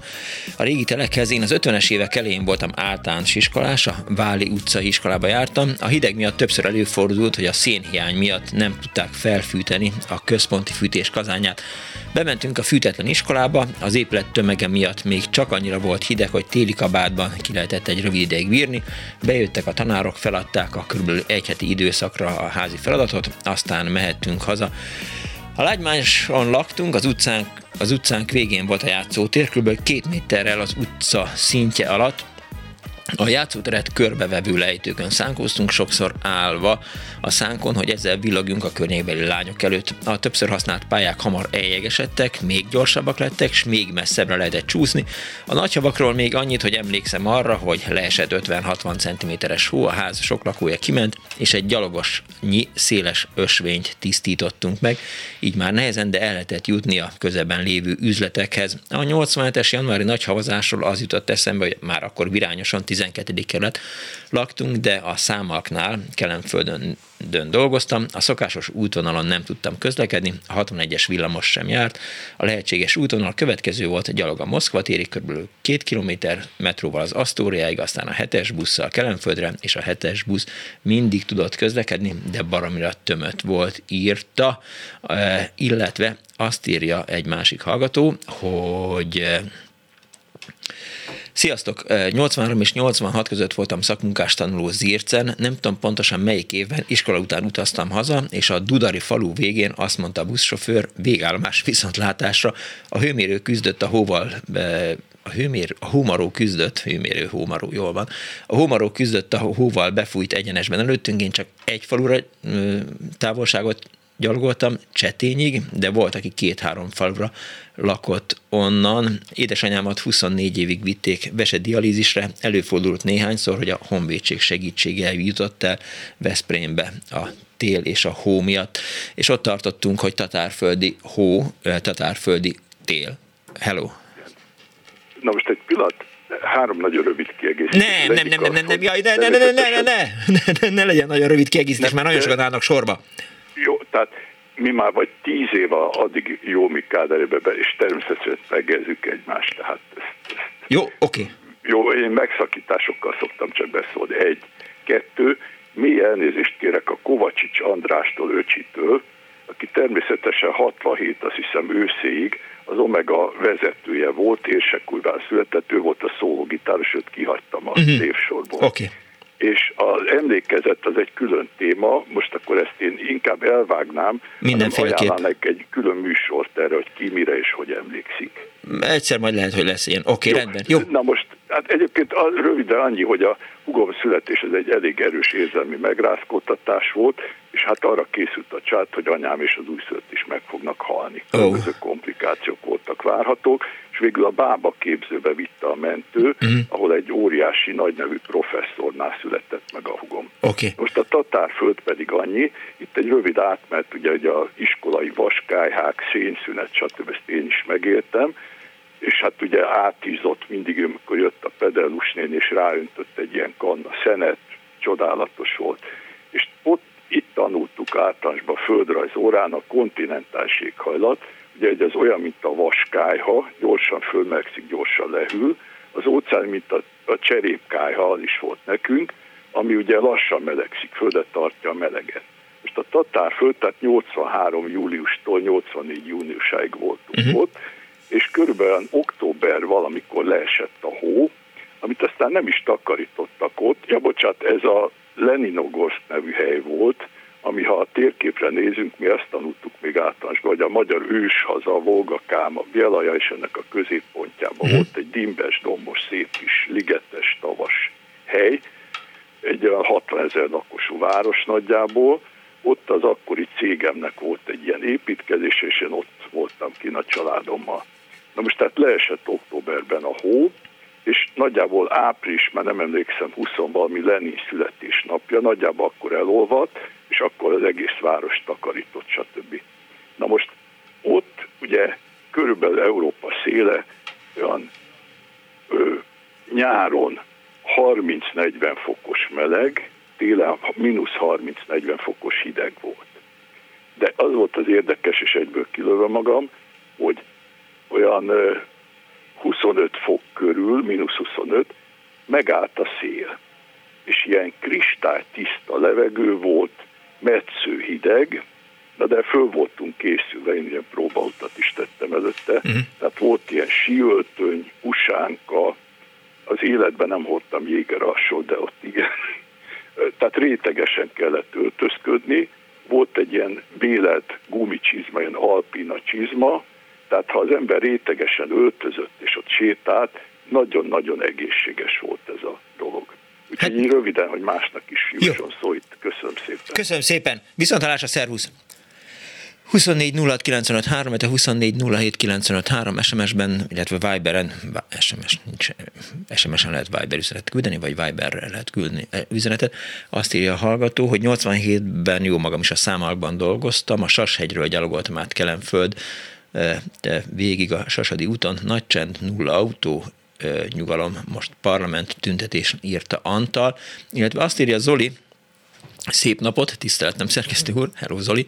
Zoli vagyok Miskolcról. Szülővárosomnak ad, annak idején volt néhány népszerű szánkó pályája, révén, hogy a Miskolca bükkben terül el. Ilyen volt a Csanyik völgy, ahol most eh, fecskendőgyár van, illetve az úgynevezett Kutyadomb a Pereces felé, a Vologda lakótelep közelében a Bodótető és a DVTK edzőpályát körülelő eh, salakdombok. Szeretem a misraikat, eh, további szép napot. Oké, Zoli, köszönjük szépen, hogy jelentkeztél. Egy hallgatóban a vonal túlsó végén, napot kívánok! Sokan emlékeznek valószínű, hogy amikor Budapesten még e, több hó volt, akkor felszették az utcáról a havat, sőt volt olyan masina, és Derenk, hogy már 30-as években, amelyiknél egy ilyen ferde útest fölötti én két kar jobbról-balról, mint két kézi kar az szedte föl, és egy futószalaggal a mögötte levő talán tolató uh-huh. teherautóra dobta, és ezeket a teherautónyi havakat a, az újpesti rakpart végén ja, dobták a Dunába, és ott volt egy külön markoló, amelyik tolta be, és minthogyha egyszer bele is esett volna egy ilyen markoló vagy teherautó a Dunába. Mert most korlát van ott, de még olyan személykocsi is máskor nyáron belesett, de egyet rendszeresen oda vitték a rengeteg havat. Ez egyik. A másik, hogy az Ikarus gyárban a 70-es évek közepén a elég nagy gyár területen a betonról orosz kiskatonákkal lapátoltatták el a havat, közte, köztük volt magyar ajkó Kárpátalja is, uh-huh. aki duzzogott, hogy most miért nekik kell, amikor itt annyi dolgozó van. Ez Bartel volt, mert nem volt ez túl hivatalos, de a gyár cserébe csinált a autóbuszok, de biztos, hogy a trollibuszok után voltak ilyen utánfutó pótkocsik utasoknak, és olyanból alakítottak a orosz katonatisztek számára WC-t. Uh-huh és ennek a kialakítása volt a csere. Na most az oroszokkal hivatalosan nem lehetett kapcsolat olyannyira, hogy ott egy mérnök meghívta valamelyik orosz tisztet, és utána vizsgálat volt, hogy hogy merte megtenni ezt. No. Ja, ott laktak meg minden. De végül is mondom, volt ilyen kapcsolat, és még ez mellékszál, de érdekesség. Mai fiatalok nem hiszik el, de például a sertésmáj az hiányzik volt mindenhol az országban, de az orosz kantinba be lehetett menni 50 méterre a bejárattól, ahol volt sertésmáj, és magyarok besétálhattak odáig. Tudod, mi az érdekes? hogy, hogy szerintem, tehát most már nincs, nem hiányzik a sertésmáj, de olyan nagyon nem futsz bele, tehát ha bemész egy egy, egy ilyen szupermarketbe, ott, ott nem nagyon árulnak sertésmájt. Nyilván, ha egy húsboltba elmegy az ember, akkor ott kap. De ahogy mondod, igazad van, tehát én is gyerekkoromban nagyjámék elküldtek, és akkor a Marx téri ABC-ben sorban álltam, mert mit tudom én, hetente egyszer pénteken hoztak májat, és akkor azt meghozták délbe, és iszonyatosan hosszú sor állt, hogy, hogy vehessen, mit tudom én, fél kiló vagy hát úgy tudom, egy hogy kiló a nyugaton meg se esznek ilyen igen, igen, igen, igen, igen. Sőt, még talán zsíros kenyeret se. Hát jó, hát nem tudják, hogy mi a jó, de azért mondjuk egy jó kis resztelt máj, azért az, az nem olyan túl rossz étel, ha már így a gasztronómia felé kalandozunk, kalandozok. Így van. Köszi a lehetőséget. Oké, okay, köszi szépen. Viszont hallásra, szervusz! 24 06 95 3, vagy a 24 07 95 3, a Facebookon is hozzá lehet szólni, azt írja Meggi. 1997-ben mindenki elkésett az iskolából, csak azok a gyerekek és tanárok értek be, akik közel laktak a Centi iskolához a 16. keletben. A gyerekek kétharmada be se jött, a hó egy-két méter magas volt. Ezerrel loholtam a lakótelep felé, de hiába két hét szénszünetre emlékszem vissza. Ez, egyébként ez a téma már volt egyszer. Nem volt ez a téma, a 87-es tél volt a, a téma, ez nem volt. Más mamikámmal sokat szánkoztunk, és amikor lefelé sikoltoztunk, mamikám parancsára sikoltozni kellett, főleg ha a napközisekkel voltunk, írta meg az Annó Budapest Facebook oldalán, illetve e, azt írta János, Vámos Jani, 1953-tól 1968-ig Ózdon éltem, a 60-as években viszont ott igen kemény telek voltak, annyira, hogy korsával tudtam menni az iskolába, ám kétszer a nádast patak jege is beszakadt alattam, teljesen átvizesedtem, a tanárnéni, amikor meglátott, rögtön szólt, hogy Janika, ma ott fog szülni egy cserépkályha mellett a szemetes ládán, ott meg is száradtam, és végül kutyabajom nem lett, de akkor bizony a családi házunk környékén havat is kellett lapátolni, meg söprögetni. Majdnem minden télen csináltunk hóembert, és sajnos ezek a telek igazán már oda lettek, és az előbb szóba kerültek ezek a vaskályhák, amik a tantermekben voltak még a 60-as, 70-es években. Arra emlékszem, hogy az ilyen nagyon jó szórakozás volt, hogy az ember bevitt egy fogolyót, akkor ha rárakta ennek a, rádobta, vagy valamilyen szinten eh, felhelyezte a, a tetejére, akkor ilyen kis apró kis e, e, ezért olvatta a húgolyó, és így pattogott a, a forró vaskályha tetején. Na mindegy. Haló! Haló! Jó napot kívánok! Jó napot kívánok, Szücsé Somodi Erzsébet vagyok. Kész sok Erzsébet. Magára, párszor már zörögtem magára. Nagyon jó. A következő lenne, ez az 1956-os év, ez egy elég kegyetlen jeges időszak volt. Igen. 56 elején, januárban a jeges zajló Dunába beesett egy busz a Margit hídról. Ó. Oh. Azzal indult az év. Mm. Utána jött februárban egy földrengés. Aztán, amikor 56-ban jött a forradalom után, hogy akkor is kegyetlen hideg éjszak jött, uh-huh. és annyira például a kis Duna, az totál befagyott úgy, hogy a Tasi zsilipnél fölverték a jeget, uh-huh. hogy a halak oda tudjanak menni jég, oxigénért. Aha. És azok az emberek, akik ott, ezek a Kunszemiklósi tasi emberek, voltak annyira tündériek, hogy hordták föl a jeges Dunából föl, teherautókra földobálva az ott lenni halakat, uh-huh. úgyhogy teherautó számra hozták föl a halakat. 56-ba, Aha. a forradalmok környékén. Uh-huh. Utána. Ja, már mint amit kifogtak, azokat. Igen, igen, mert oda, oda gyűltek a halak. És akkor és kifogták őket, és meg lehetett tenni. Aha, ja, ja, ja. És hozták föl itt a, a festieknek. Uh-huh. Úgyhogy na hát ezek itt ilyen szép időszakok voltak, már elnézést.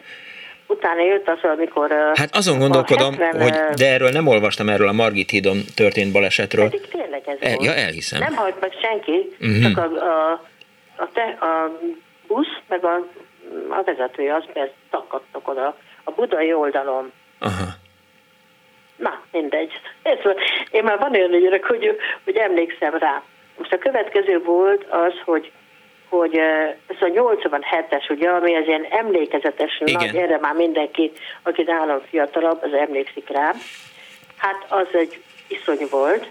Az vasárnap estére, illetve délutánra volt az az óriási felhőszakadás, amire úgy általában senki nem volt fölkészülve.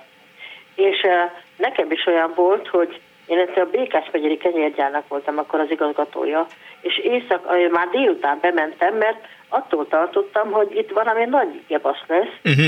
hogy, hogy, hogy esetleg nem tudnak elindulni a kocsik, én még csak attól akkor féltem, hogy de hatalmas volt a hó, hogy nem fognak tudni kimenni a szállítókocsik. És megkértem a művezetőket, hogy hagyjanak ott mindenkit, Aha. ne, haza tudtak volna menni a munkások. Úgyhogy tényleg az volt, hogy nem állítottunk le semmit, Mhm. ment tovább a, a kovászolás, a sütés, minden ördög, és óránként 3000 darab, 3000 kiló kenyeret sütöttünk. Úgyhogy átjöttek oda éjszaka is, meg a következő napon, mert eléggé kitört a pánik kenyérükbe, hogy átjöttek a, a hidakon oda, és, és mi el tudtuk ezeket nagyjából látni, csak nem tudtuk ellátni a, a kórházakat, meg a gyermekintézéseket, meg ilyeneket. És akkor volt egy, még akkor tanács volt, már elnézést. Hát nem, mert az volt a nem neve. drukkolok itt a tanácsnak, de volt ez a, a tanácsnál, aki rögtön fölhívott minket hajnalba, Uh-huh. hogy miben tudnak segíteni. És a tanácsi vezető, a tanács elnök küldött nekünk ilyen, eh, mik voltak akkor még ilyen eh, polgári védelmi kocsik, ugye?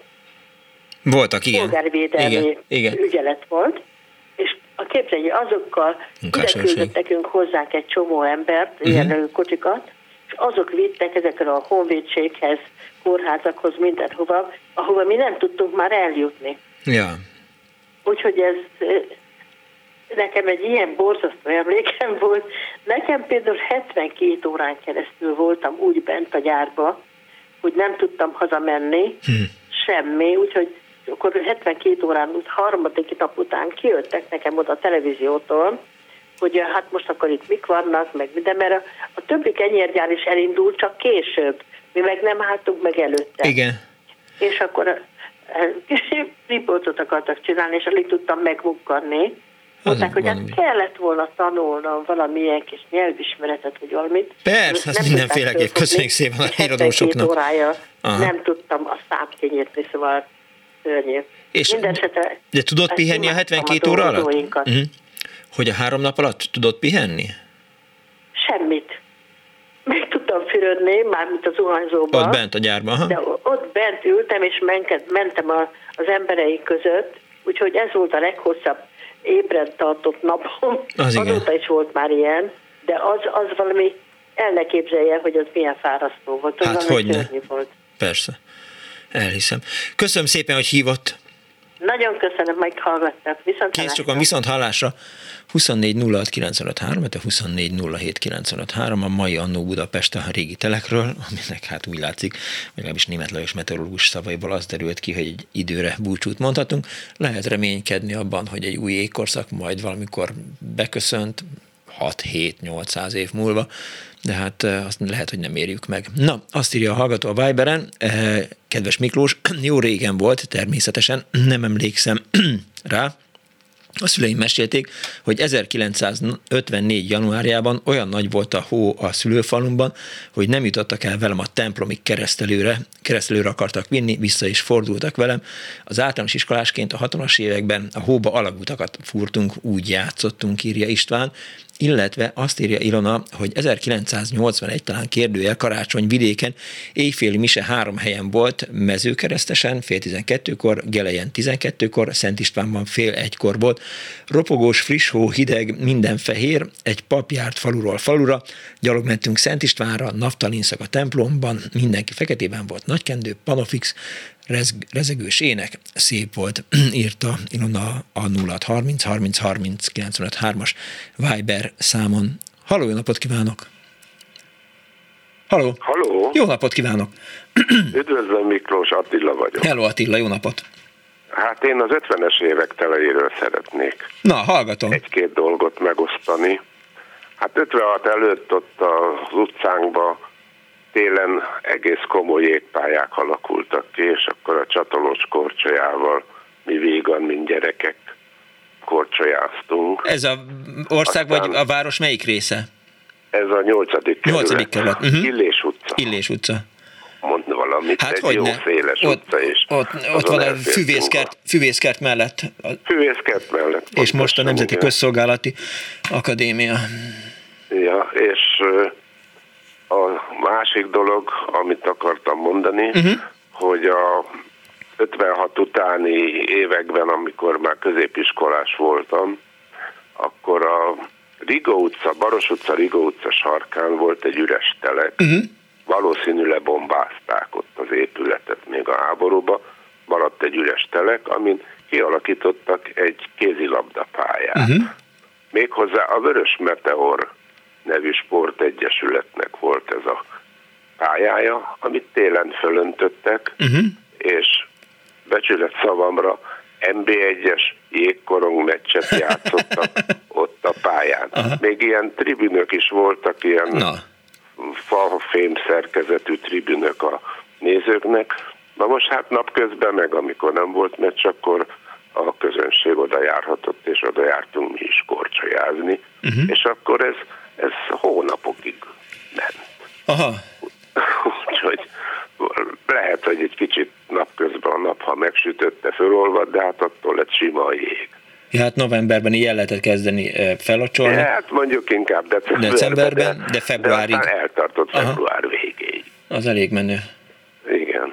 Hát, hogy ilyen telek voltak, akkor hála Istennek most nincs ilyen, mert a gázszámla akkor csillagokig ugran. Akkor te inkább vagy kellemes nyárpárti, mint kemény tél rajongó.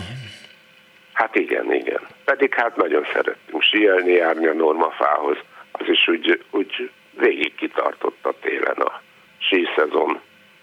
Főleg még mikor voltak ezek a szénszünetek, akkor még nem csak vasárnap mehettünk el síelni, hanem hétközben is ja. a barátaimmal. Uh-huh. Úgyhogy hát ennyit szerettem volna. Köszönöm szépen. Mondani. Köszi. Viszont hallásra. Kívánok, Miklós. 24 de 24 közben azért eh, bekészítettem az 1929. február 17-i Soproni hírlap, keresztény politikai napilap vonatkozó számát, amiből hát egyrészt eh, arról ad hírt, hogy Vitéz Simon Elemér doktor főispán meglátogatta a Papréti napközi otthont, Hát, gratulálok ez a látogatáshoz, biztos nagyon fontos volt, de viszont eh, a másik top story arról szól, hogy a szibériai időjárás megbénította a Vármegye ütőereit, jelentések a Vármegye mind a négy járásából, a mind a négy járást, a mind a négy szót azt egybeírták még akkoriban. A legszomorúbb híradás kettős pont, elfogyott a kis gazdáink burgonya vetőmag készlete. Borzalmas időjárásról ír az akkori Soproni hírlap, tehát 1929. február 17-én, de előtte egy hallgató. Jó napot kívánok! Napot kívánok! Kész Én a híres zsámbokról beszélek, Na, hallgatom. ahol édesapám 44 évig harangozó volt. Nyáron ugye a vihar ellen harangoztunk, de télen is kellett harangozni. Na. És egyszer akkora hó volt, egy kis dombon van a templom, olyan nagy volt a hó, hogy nem tudták eldobálni. A bátyám, meg a unokatestvérem, két kamasz fiú alagutat ástak a templom ajtóig, hm. És ott valahogy fölálltak, és ki tudták mit, az, és úgy másztak be, hogy tudjanak, nem muszáj volt harangozni, akármilyen időjárás is volt. Ja, ja, ja. Emlékszem, akkor beszélgettünk, eh, talán eh, ugye egyszer már beszélgettünk, amikor a nyári viharokról Nyáron, igen, volt, igen, a nyári igen, viharokról igen. volt szó, és akkor mesélte ezt, és még emlékszem, eh, egy kicsit el is gondolkodtunk azon, hogy, hogy harangzúgással lehet-e a vihart elűzni, hogy honnan van ez a... Biztos lehetett, mert majdnem mindig sikeres volt Mhm. a harangozásunk. Télen meg hát azért kellett... Ha... Folytatnám a téli emlékeket. Hát ha disznóvágás volt nálunk az udvar, nálunk odahaza, Mhm. akkor ki kellett hordani a havat kis talicska, nem kis talicska, rendes talicskával, kitologattuk az utcára, Aha. hogy elférjenek, mert nagy hely kellett ott a, egy disznóvágáskor. Igen. Úgyhogy ezek voltak. De és akkor volt még egy már felnőtt koromban egy nagy élmény. A Kékesről jöttünk le, vagy 30-an természetjárók. Uh-huh. De akkor a hó volt, térdig érő hó volt. Na most hát a férfiak felajánlották, hogy ők mennek és taposták ki az utat, úgyhogy ez a 30 ember libasorba mentünk le a Kékesről, ez egy óriási élmény volt. Ja, rendes férfiak jöttek és Igen. tapostak, Igen, hát ezt vállalták ők. és nem estek el. Igen. Na szóval ez volt a nagyon érdekes, hogy alagutat vágtak a templom ajtóhoz, vagy ástak a hóból az unoka, vagy a bátyám meg az unoka testvére. De akkor ilyen Két egy-két, fiú. métere, egy-két méteres hónak kellett lennie? Igen, ugyanis nem, nem pont mindenhol nem volt, csak oda, oda, Oda hordta a havat, szél, aha. ilyen hófúvás volt, és oda hordta a szél pontosan az ajtóba. Ja, ja, igen. Hiába, hogy dombom volt a templom, de nem, nem lehetett hozzáférni az ajtóhoz. És hát úgy tényleg akkor is kellett harangozni, ha esett a hó, úgyhogy a fiúk megoldották. Gratulálunk ezúton is nekik. Köszönöm szépen, hogy hívott. Én is köszönöm. Kész hallásra. viszont hallásra. Azt írja a hallgató, csatlakozom a Rigó utcai sarki jégpályához csatolós korival, az édesapámmal ott csetlettem, botlottam, megszerettem a korcsolyázást, írta Erzsébet, illetve azt írja István, hogy 1962-63-ban erdész gyakornok voltam a hármas határhegyi erdészetnél. 62. november 25-én busszal ment, felmentem dolgozni, de lefelé évet már nem járt a busz a magas hó miatt. 63. januárjában több mint másfél méteres hó esett. A villanyvezeték a Szépvölgyi útról elágazott a hegyen lévő ház felé, és bizony, amikor havazott, a drótot annyira lenyomta a hó, hogy vigyázni kellett, hogy bele ne érjen az ember feje. Hosszú póznával ütögettük le a havat, mert azért sok kiránduló járt arra síelni, szánkózni, rájuk is gondolni kellett, írja István. Mi pedig sieltünk a Csemetekert fölötti dombon, aminek másfél méter volt a kerítése. Ma is annyi szabvány marad, ma is, ma is annyi szabványméret, mármint hogy a, a igen, mármint hogy a kerítés az szabványméret. Sielés közben vigyázni kellett, hogy bele ne essünk a hóba, mert beleakadhattunk volna a hóban rejtőzködő kerítés drótba. Néha sikerült, nem volt egy jó élmény, írta István a 0630 30 30 95 ra Közben Lajos arról ír, hogy Szibériában minden állat szörméjét szívesen használják sapkának, sának, ott viszonylag olcsón lehet bundákat, szörmekabátokat vásárolni. Legtöbbre a medvebundát értékelik, ami ritka és drága, de a legjobban melegít. Minusz 40 fok idején több alkalommal is volt, eh, ilyenkor kevesebbet mossák az arcukat, hogy természetes zsíros maradjon az arcbőr. Halló, jó napot kívánok! Halló. Jó Én napot. vagyok Kolnalban? Igen, ön tetszik lenni. Szervusz, én Józsi vagyok, többször beszéltünk Szevasz. Józsi, nagyon üdvözöllek. Mi újság van? Na, hát én erre a 87-es, ö, ö, illetve több dologra is kitérnék, csak röviden. Jó. E- Először is, hogy mondjuk, tehát azt ne felejtsük azért el, hogy mondjuk 15 fokkal melegebb van, mint 25 évvel ezelőtt. Igen. És most ebben a rendkívül nyomorban, ami ebbe, ezt az országot sújtja, hány polgártársunk nem fagy meg, csak azért, mert az időjárás ilyenre fordul. Mikor- Tehát azért ezt ne felejtsük el. Azért azt, azt se felejtsük el, hogy hányan fagytak meg, tehát akár a lakásukban. Há- hányan, hányan fagytak meg, és hányan fagytak volna meg Igen. akkor, hogyha A még még, mondjuk, még, még 15 uh-huh. fokkal van hidegebb, és még több ö, szenet vagy fát kell, hogy vásároljanak, Mhm. uh-huh. vagy, vagy gázra nincs pénzük, stb. Úgyhogy ezt, ezt, ezt ne felejtsük el. Ne, semmiféleképp. A, a, a másik a saját történet, hát én ugye 86-ban még gimnazista voltam, 87-ben volt ez a kemény tél, 87-ben, még akkor is gimnazista voltam. 86-ban is volt egyébként valami kemény tél, mert arra emlékszem, hogy, hogy akkor leszerelő katonák fagytak meg, mert leszereltek február közepén, aztán jól berúgtak, megörültek annak, hogy vége van a hülyéskedésnek, és aztán, Hát az és aztán, aztán meghaltak. Engem. Az, az nem egy öröm, bár a halálnemek közül a kellemesebbik felé sorolnám inkább. Hát Hogyha azért már- inkább hagyjuk ki a, a meghalást, meg a, Hát ha van egy kis lehetőség. Ezen túl kell esni előbb-utóbb, Hát, úgyhogy, igen. úgyhogy Én is ha, ha, ha, lehet, akkor, akkor, már, akkor már részegen, nem? Tehát, ha, már Nem, nem, nem, nem, nem, nem, nem, ez nagyon szomorú. Na, de Tragédia. Kicsit kapcsolódik a történethez, mert én, én ugye a, a, a 87-ben is, vagy 86-ban nem tudom, én, a- én a klerikális reakciót erősítettem, Uh-huh. és hittanoktatásra jártam meg apámmal templomba, és, és vasárnap volt ez a, ez a, amikor lecsapott ez a hirtelen vihar, és a Bazili, Bazilikába hatkor kezdődött a mise, Uh-huh. este hatkor. És apám mondta, hogy, hogy őt innen hatökörrel nem voltunk ki a székéből, tehát menjek egyedül. Kettes villamosra is, el is mentem szépen a, az akadémiánál, leszálltam, ott, ott még de egy, egy száz zseki volt rajtam, egy sapka, tehát nulla fok körül volt a Uh-huh. hőmérséklet.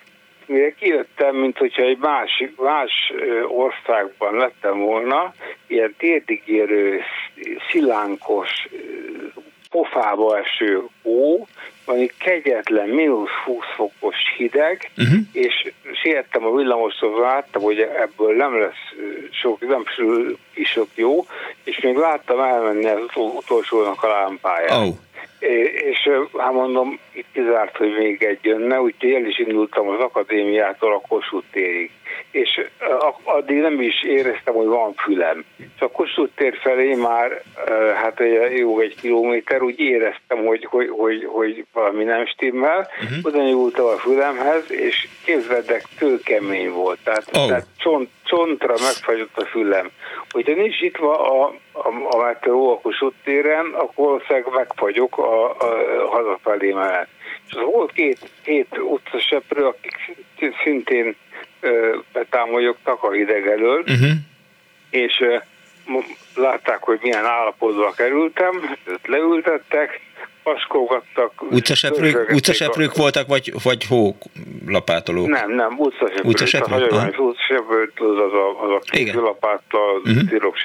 Uh-huh. E, és, és az egyiknél volt egy lapos üvegbe kevert. És azt mondja, kérdezte, hogy milyen messzire akarok még jutni. Hát mondom, még minden 800 méterre lakom. Ú, hát azt mondom, mondja, az, az komoly táv lesz, arra föl kell készülni. Kicsit dörzsögették még a fülemet. Rum császár körte. Adott egy korty kevertet. Uh-huh. És az a, az a, a tehát, hogy szétárad bennem az energia, éreztem, hogy meg fogom tudni csinálni. Tehát az, az, volt, az, az volt egy kérdés, uh-huh. hogy vajon még 800 métert el tudok-e menni hazáig. Olyan durva szélvihar volt, de pont, pont arcon csopós jellegű. Csak a parlament falához simulva próbáltam minél milyen szép helyeken hmm. hazamenni, hazaértem, és minden fűtőtest, minden hő izé ment itthon, Aha. és úgy volt 10 fok a lakásba. Hmm. Tehát a Dunánál, hogyha a fúj a szél, akkor tényleg fúj a szél, igen. de bazira, tehát, tehát már nagyon meg. Rendes húzat van, igen, a, a parton. A, a másik, ennek, ennél sokkal kellemesebb, meghatározó élmény az volt, aztán Fülep szépen nem tört le. Nőcs, meg mit tudom én, a tatárom orvos volt, úgyhogy lekezelgette, uh-huh. meg, meg, meg majdnem bevett az arcomat, hogy hogy, hogy, hogy, hogy lehetek ilyen idióta, hogy, hogy, hogy nem jövök egy taxit, hát no, a taxi se, se, se tudott volna menni, de villamos sem tud. Plusz ráadásul még részegen jöttél haza, fiam. Nem, nem, nem, nem, nem, az föl sem nem, nem voltam részegen, egy kortyot ah, kaptam, csak, csak annál energiát adott inkább szerintem a cukor benne, mint a, mint a szesz. A másik viszont igen, a szesztel kapcsolatos, mert, 9, mert imádtam a Balaton jegén sétálni. Uh-huh. Tehát én, én, voltam az, aki ahogy befogyott, beállt 10 centi jégupán volt, akkor biztos valakivel valahogyan lementem korcsolyázni, és, és, a Balaton, és annál, annál nagyobb szabadságot, mint hogy, hogy el, elindulsz korcsolyával, uh-huh. és előtted a világ, a horizont, azt se tudod merre vagy, és csak mész, mész, korcsolyázol, csak az, arra kellett azért vigyázni, hogy egy iránytű legyen nálad, mert hogyha mondjuk 500 méterre elmentél a parttól, akkor uh-huh. előfordulsz már, hogy nem láttad, hogy honnan jöttél, uh-huh. és bizony volt olyan haláleset, aki, aki körbe-körbe eltévedt bizony, uh-huh. és meg is, meg is fagyott a, a, a jégen. Uh-huh. Tehát e, iránytű mindig volt nálam, és e, e, két élményt, ha, ha még belefér, az, az Persze, egyik az, hogy, hogy, hogy Tihanynál bementem a, a parti úton, tehát ahol közel van a, a Balaton, uh-huh. ott, ott bementem a jégen, és ott, ott csak sétáltam. Sétáltam, amíg nem láttam a partot egész addig, és akkor valami fájdalmas recsenés húzódott végig az egész víztükörön, és megdöbbentően félelmetes volt éreztem a talpam alatt, hogy itt valami nem stimmel. Pedig elvileg 30 centi volt egy mhm. riganás volt valahol, lehet, hogy több, több 10 kilométerre tőlem, de, de ez rögtön rá is vett arra, hogy gyorsan akkor vissza a nyúlcipő, és vissza a, a, a, a part irányába. A másik, hogy 96 az egészen biztosan teljesen be volt állva Balaton, mert akkor a hétvégi házunkba ünnepeltük a karácsonyt, barátnőmmel, meg pár barátommal, és, és a 96-os gyertyák félig leégve még számot formázva, amiben meg is vannak, úgyhogy tudom, hogy akkor volt, és úgy, úgy, úgy be volt állva az egyik barátom, hogy, hogy mikor mindannyian már rajta voltunk a kb. két méter mi vízben lévő jégen, uh-huh. elkezdett ugrálni az obvarom. És éreztem, hogy a jégen egy ilyen kellemetlen fotorozódó hullám fut végig. Úgyhogy gyorsan kivonszoltuk, és mi is kimentünk a stégre, uh-huh. és, és hogyha ezt nem tesszük, szerintem ott helyből beszakadunk és ha valaki ilyen, lehet beállna megint a Balaton, bár most már nem igen fog, mostani nem, igen. de ha, ha megint, akkor az ilyen kalandokat inkább siófok környékén vállalja az ember, mert ugye tökig bele szakadni az nem egy kellemes dolog, de utána lehet élni, de, de mondjuk el, elmerülni... Tihanyban, az, az, az gáz. Az leginkább Igen. Így, így horrorfilmekben szokott előfordulni. Ja. Ja, és, és részegen nem szabad, nem szabad, főleg barátot részegen nem szabad jégre vinni. Hát meg úgy általában, igen, igen. Tehát ne higgyük, ne higgyük előző Lajosnak, hogy a kevert az egyetlen, amit a komcsik nem tudtak elrontani. El tudták. Hát nem is volt jó sohasem, de ez zárójás megjegyzés. Hát az az olyan volt, mint az észter higító és a rum keveréke. Tehát az, az végül is... Rum császárkörte volt, nem? A, a kevert. és rum Igen. össze volt keverve, és rettenetes édes volt, és kevés. Mennyit megittam én abból? Tehát egy ilyen likőrszerű volt, de a, a cukor szerintem az, az előtarott nekem erre a hazafele menő 800 méterre. Ennyit a kevertről. Köszönöm szépen, hogy hívtál. Na, én is. Viszont hallásra. Szervusz. Azt írja a hallgató a Viberen, a 70-es években Somoskőn laktunk, e, télen a busz nem tudott kimenni a hegyen, így az elágazótól, ahol a busz megálló két-három kilométer volt, gyalog kellett megtenni az emelkedőn, mire hazértem, a sapkából kilógó tincsek jégcsapokká váltak a hidegtől, hőtől, izzadságtól, e, ezt Judit írta, illetve azt írja Zsuzsa, a 70-es évben Zugló egyik lakótelepén majdnem minden autó Zsiguli, Warburg, Trabant volt. Azt gondolom, hogy az egész országban és a Magyarország összes lakótelepén nagyjából Zsiguli, Warburg és Trabant volt. Ez megjegyzés volt. Ugyanaz a kocka, ugyanaz a szín, reggelre leesett egy fél méter hó, hétkor nekiálltál e, havat takarítani az autóról, és fél nyolckor a szomszéd megköszönte, hogy letolta az autójáról a havat, és egy smiley-t írt Zsuzsa. Apám jó tanácsa, ezt eh, Péter írja, eh, télen pokrót és étel nélkül ne indulj hosszú útra, nyáron kabát nélkül, illetve azt írta az egyik hallgató még, hogy nagyapám mesélte, hogy ha nagyon kemény tél volt, akkor a település férfiai lapáttal kimentek és lelapátolták az utat. Később a modern időkben ezt már megoldották homlokrakodóval. Kardos Józsi nagyon sok cikket küldött, ugye, mit már mondtam, 1929-es, meg 1942-es újságcikkekből idéztem gondolat, gondolatokat, de volt egy nagyon jó cikk, amit küldött, ami úgy általában a hóról szól. Valami műszaki tudományos lapnak a száma volt, hogy e, mi a hónak a súlya, mit kell vele csinálni, milyen hókotró eszközök vannak, hogyan lehet tömöríteni, mit lehet csinálni. Hát de e, inkább a hallgatókkal beszélek, mint azt olvasom föl. Halló, jó napot kívánok! Halló! Jó napot! Marga András beszélek, tisztelettel üdvözlöm. Üdvözlöm András, jó napot. Budapesten, Miskolcról beszélek.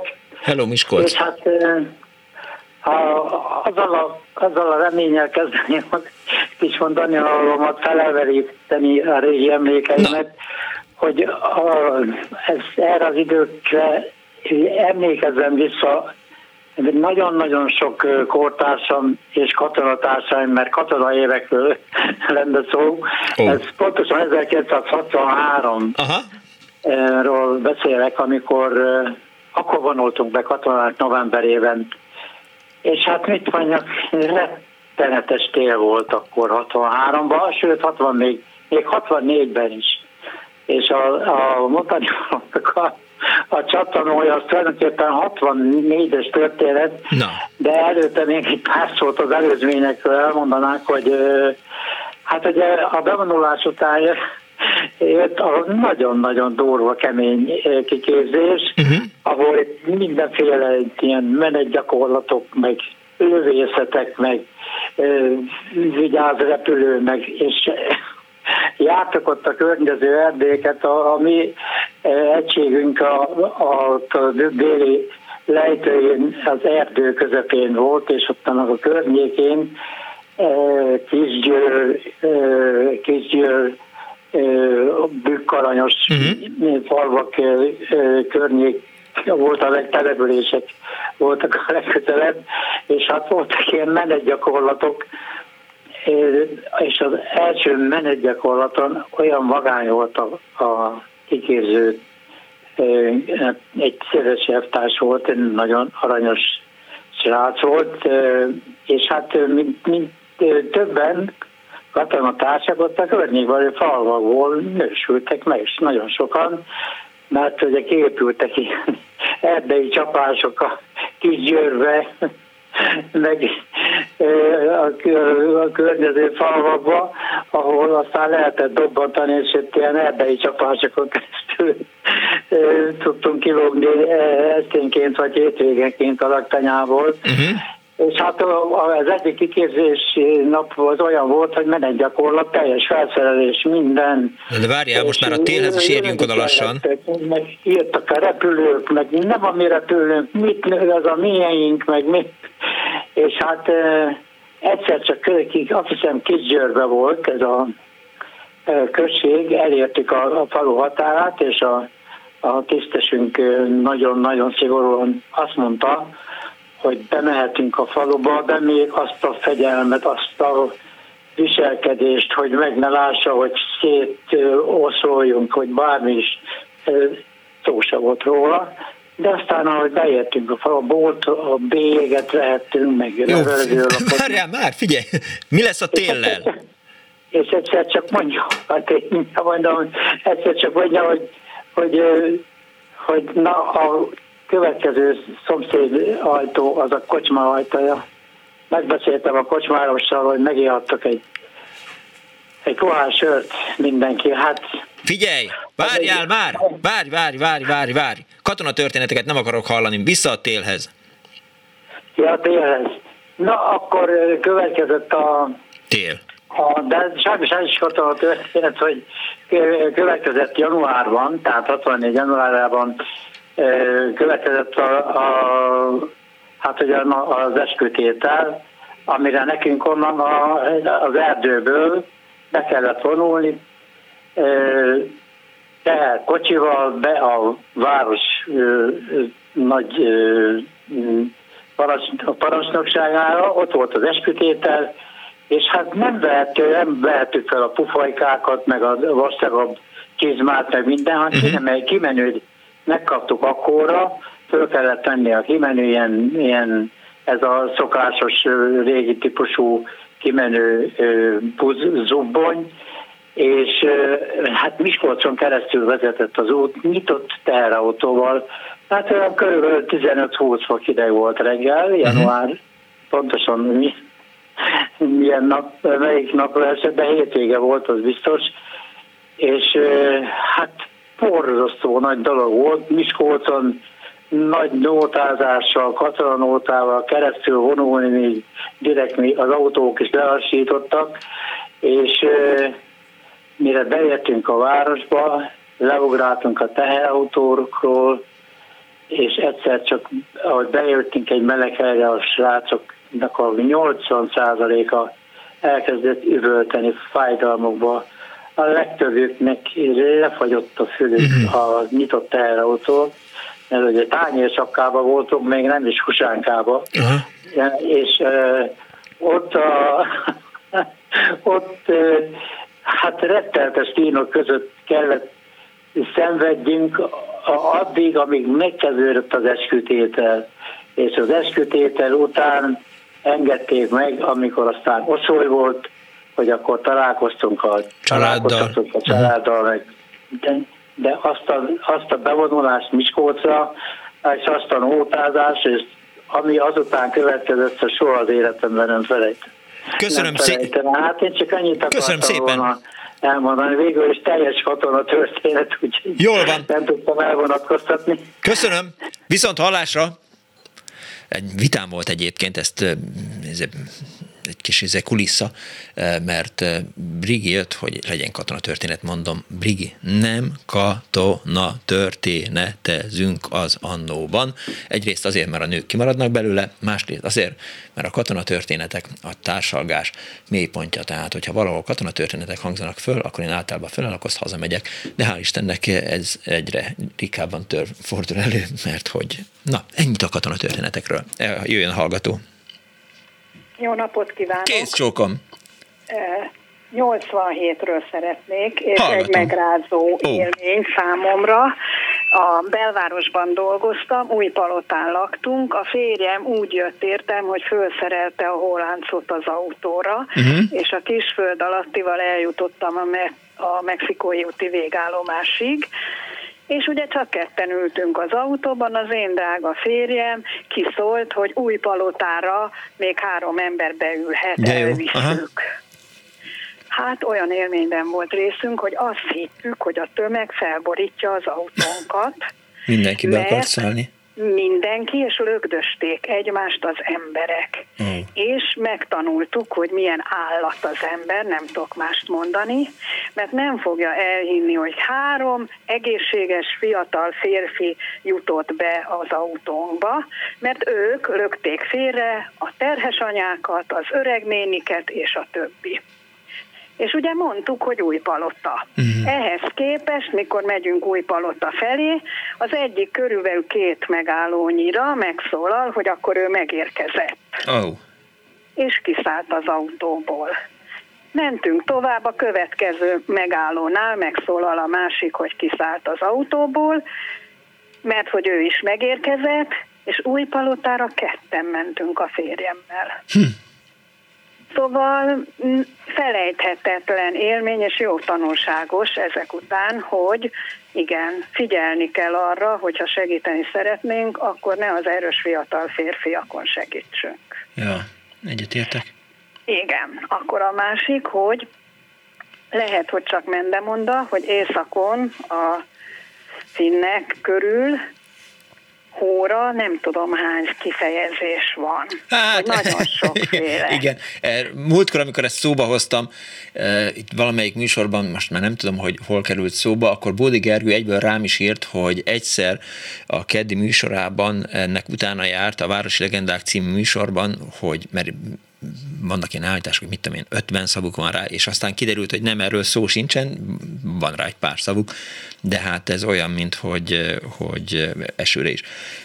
Sokkal több szó van szerintem magyarban, vagy a, a égből hulló csapadékra, mint mondjuk az angoloknál. De uh-huh, ez... Igen, igen. Na akkor még egy, mert hallottam ezt a kurblis korcsolyát. Uh-huh. Hát én se vagyok már olyan fiatal, de annyira nem vagyok fiatal, hogy a Hungária költ és a Tököli út sarkán laktam kislánykoromban, uh-huh. akkor még csak két sávos volt, és elképzelhetetlen volt számunkra, de azért nem engedték ott beépíteni, hogy majd egyszer lesz ott nem tudom hány sávos, aztán uh-huh. tényleg meg is épült sokkal-sokkal később, de akkor ott volt egy kis mélyedés, illetve elég nagy, és jég keletkezett. A környék összes gyereke ott korcsolyázott, ahol most autók járnak, ugye, mindig mosolygok, és én ott tanultam meg korcsolyázni. És hát nem dobott fel senkit sem akkoriban a pénz, és ennek a kurblis korcsolyának volt az az előnye, hogy korcsolyázott az egyik, mondjuk a testvérem, akkor Igen. egy kis idő múlva megkaptam én. Kis idő múlva odattam a barátnőmnek, és ugyanúgy tanultunk biciklizni is, hogy volt egy bicikli, és volt rá tíz gyerek, de most a térről, hát nagyon jó emlékem, hogy kiártunk a Városligeti műjégre rendszeresen, és hát kellemes emlékeim fűződnek hozzá, hát, tudja, és azt igen, kell mondjam, igen. hogy meg tudtuk fizetni. Igen. Meg tudtuk fizetni azt, hogy minden nap ki tudtunk menni a műjégre. Igen, csak tudja, műjég az még most is van, csak ott akartam becsatlakozni a kurblis korcsolyához, hogy nem volt mindegy, hogy milyen cipőre rakta fel az ember, mert ha nem elég jó minőségű volt a cipőtalpa, akkor a kurblis korcsolya az bizony leszette. Igen tapasztaltuk néhányan. Igen, igen, igen. Jó, köszönöm szépen. Én köszönöm szépen. Viszont hallásra. Viszont hallásra. Egy perc van, úgyhogy az utolsó hallgatót most nem fogom tudni bekapcsolni, mert nincs egy, nincs egy perces történet, meg amúgy is el kell köszönnöm. Szóval köszönöm szépen megtisztelő figyelmüket. Régi telekről szólt ma az Annó Budapest. Úgy tűnik, hogy az, amit műsor elején mondtam, hogy Szalai Etelka Tusinénit sikerült majd összehozni azzal a hallgatóval, akit tanított sok-sok évvel ezelőtt, úgyhogy már volt értelme a műsornak, amelynek szerkesztője Árva Brigitta volt a műsor létrehozásában, segítségemre volt a telefonnál Balok Kármen, Pálinkás van készítette a videót, Kardos Józsi küldte azt a rengeteg érdekes cikket, amiből sajnos nem tudtam mindent felolvasni. Én Punksnodbed Miklós voltam, remélem elmondtam mindenkit. Volt még ja, Kemény Danit nem mondtam, meg egy új kolléga is bemutatkozott, de ő nem írta ki a nevét, úgyhogy nem fogom tudni neki megköszönni a segítséget, de minden esetre egy új kolléga segítségével készült a műsor. Studer Dani segített nekem, úgyhogy köszönjük szépen neki is. Hírek jönnek, mi pedig egy hét múlva vissza, és tudják jól, give peace a chance, Putyin rohagy meg, véhallás.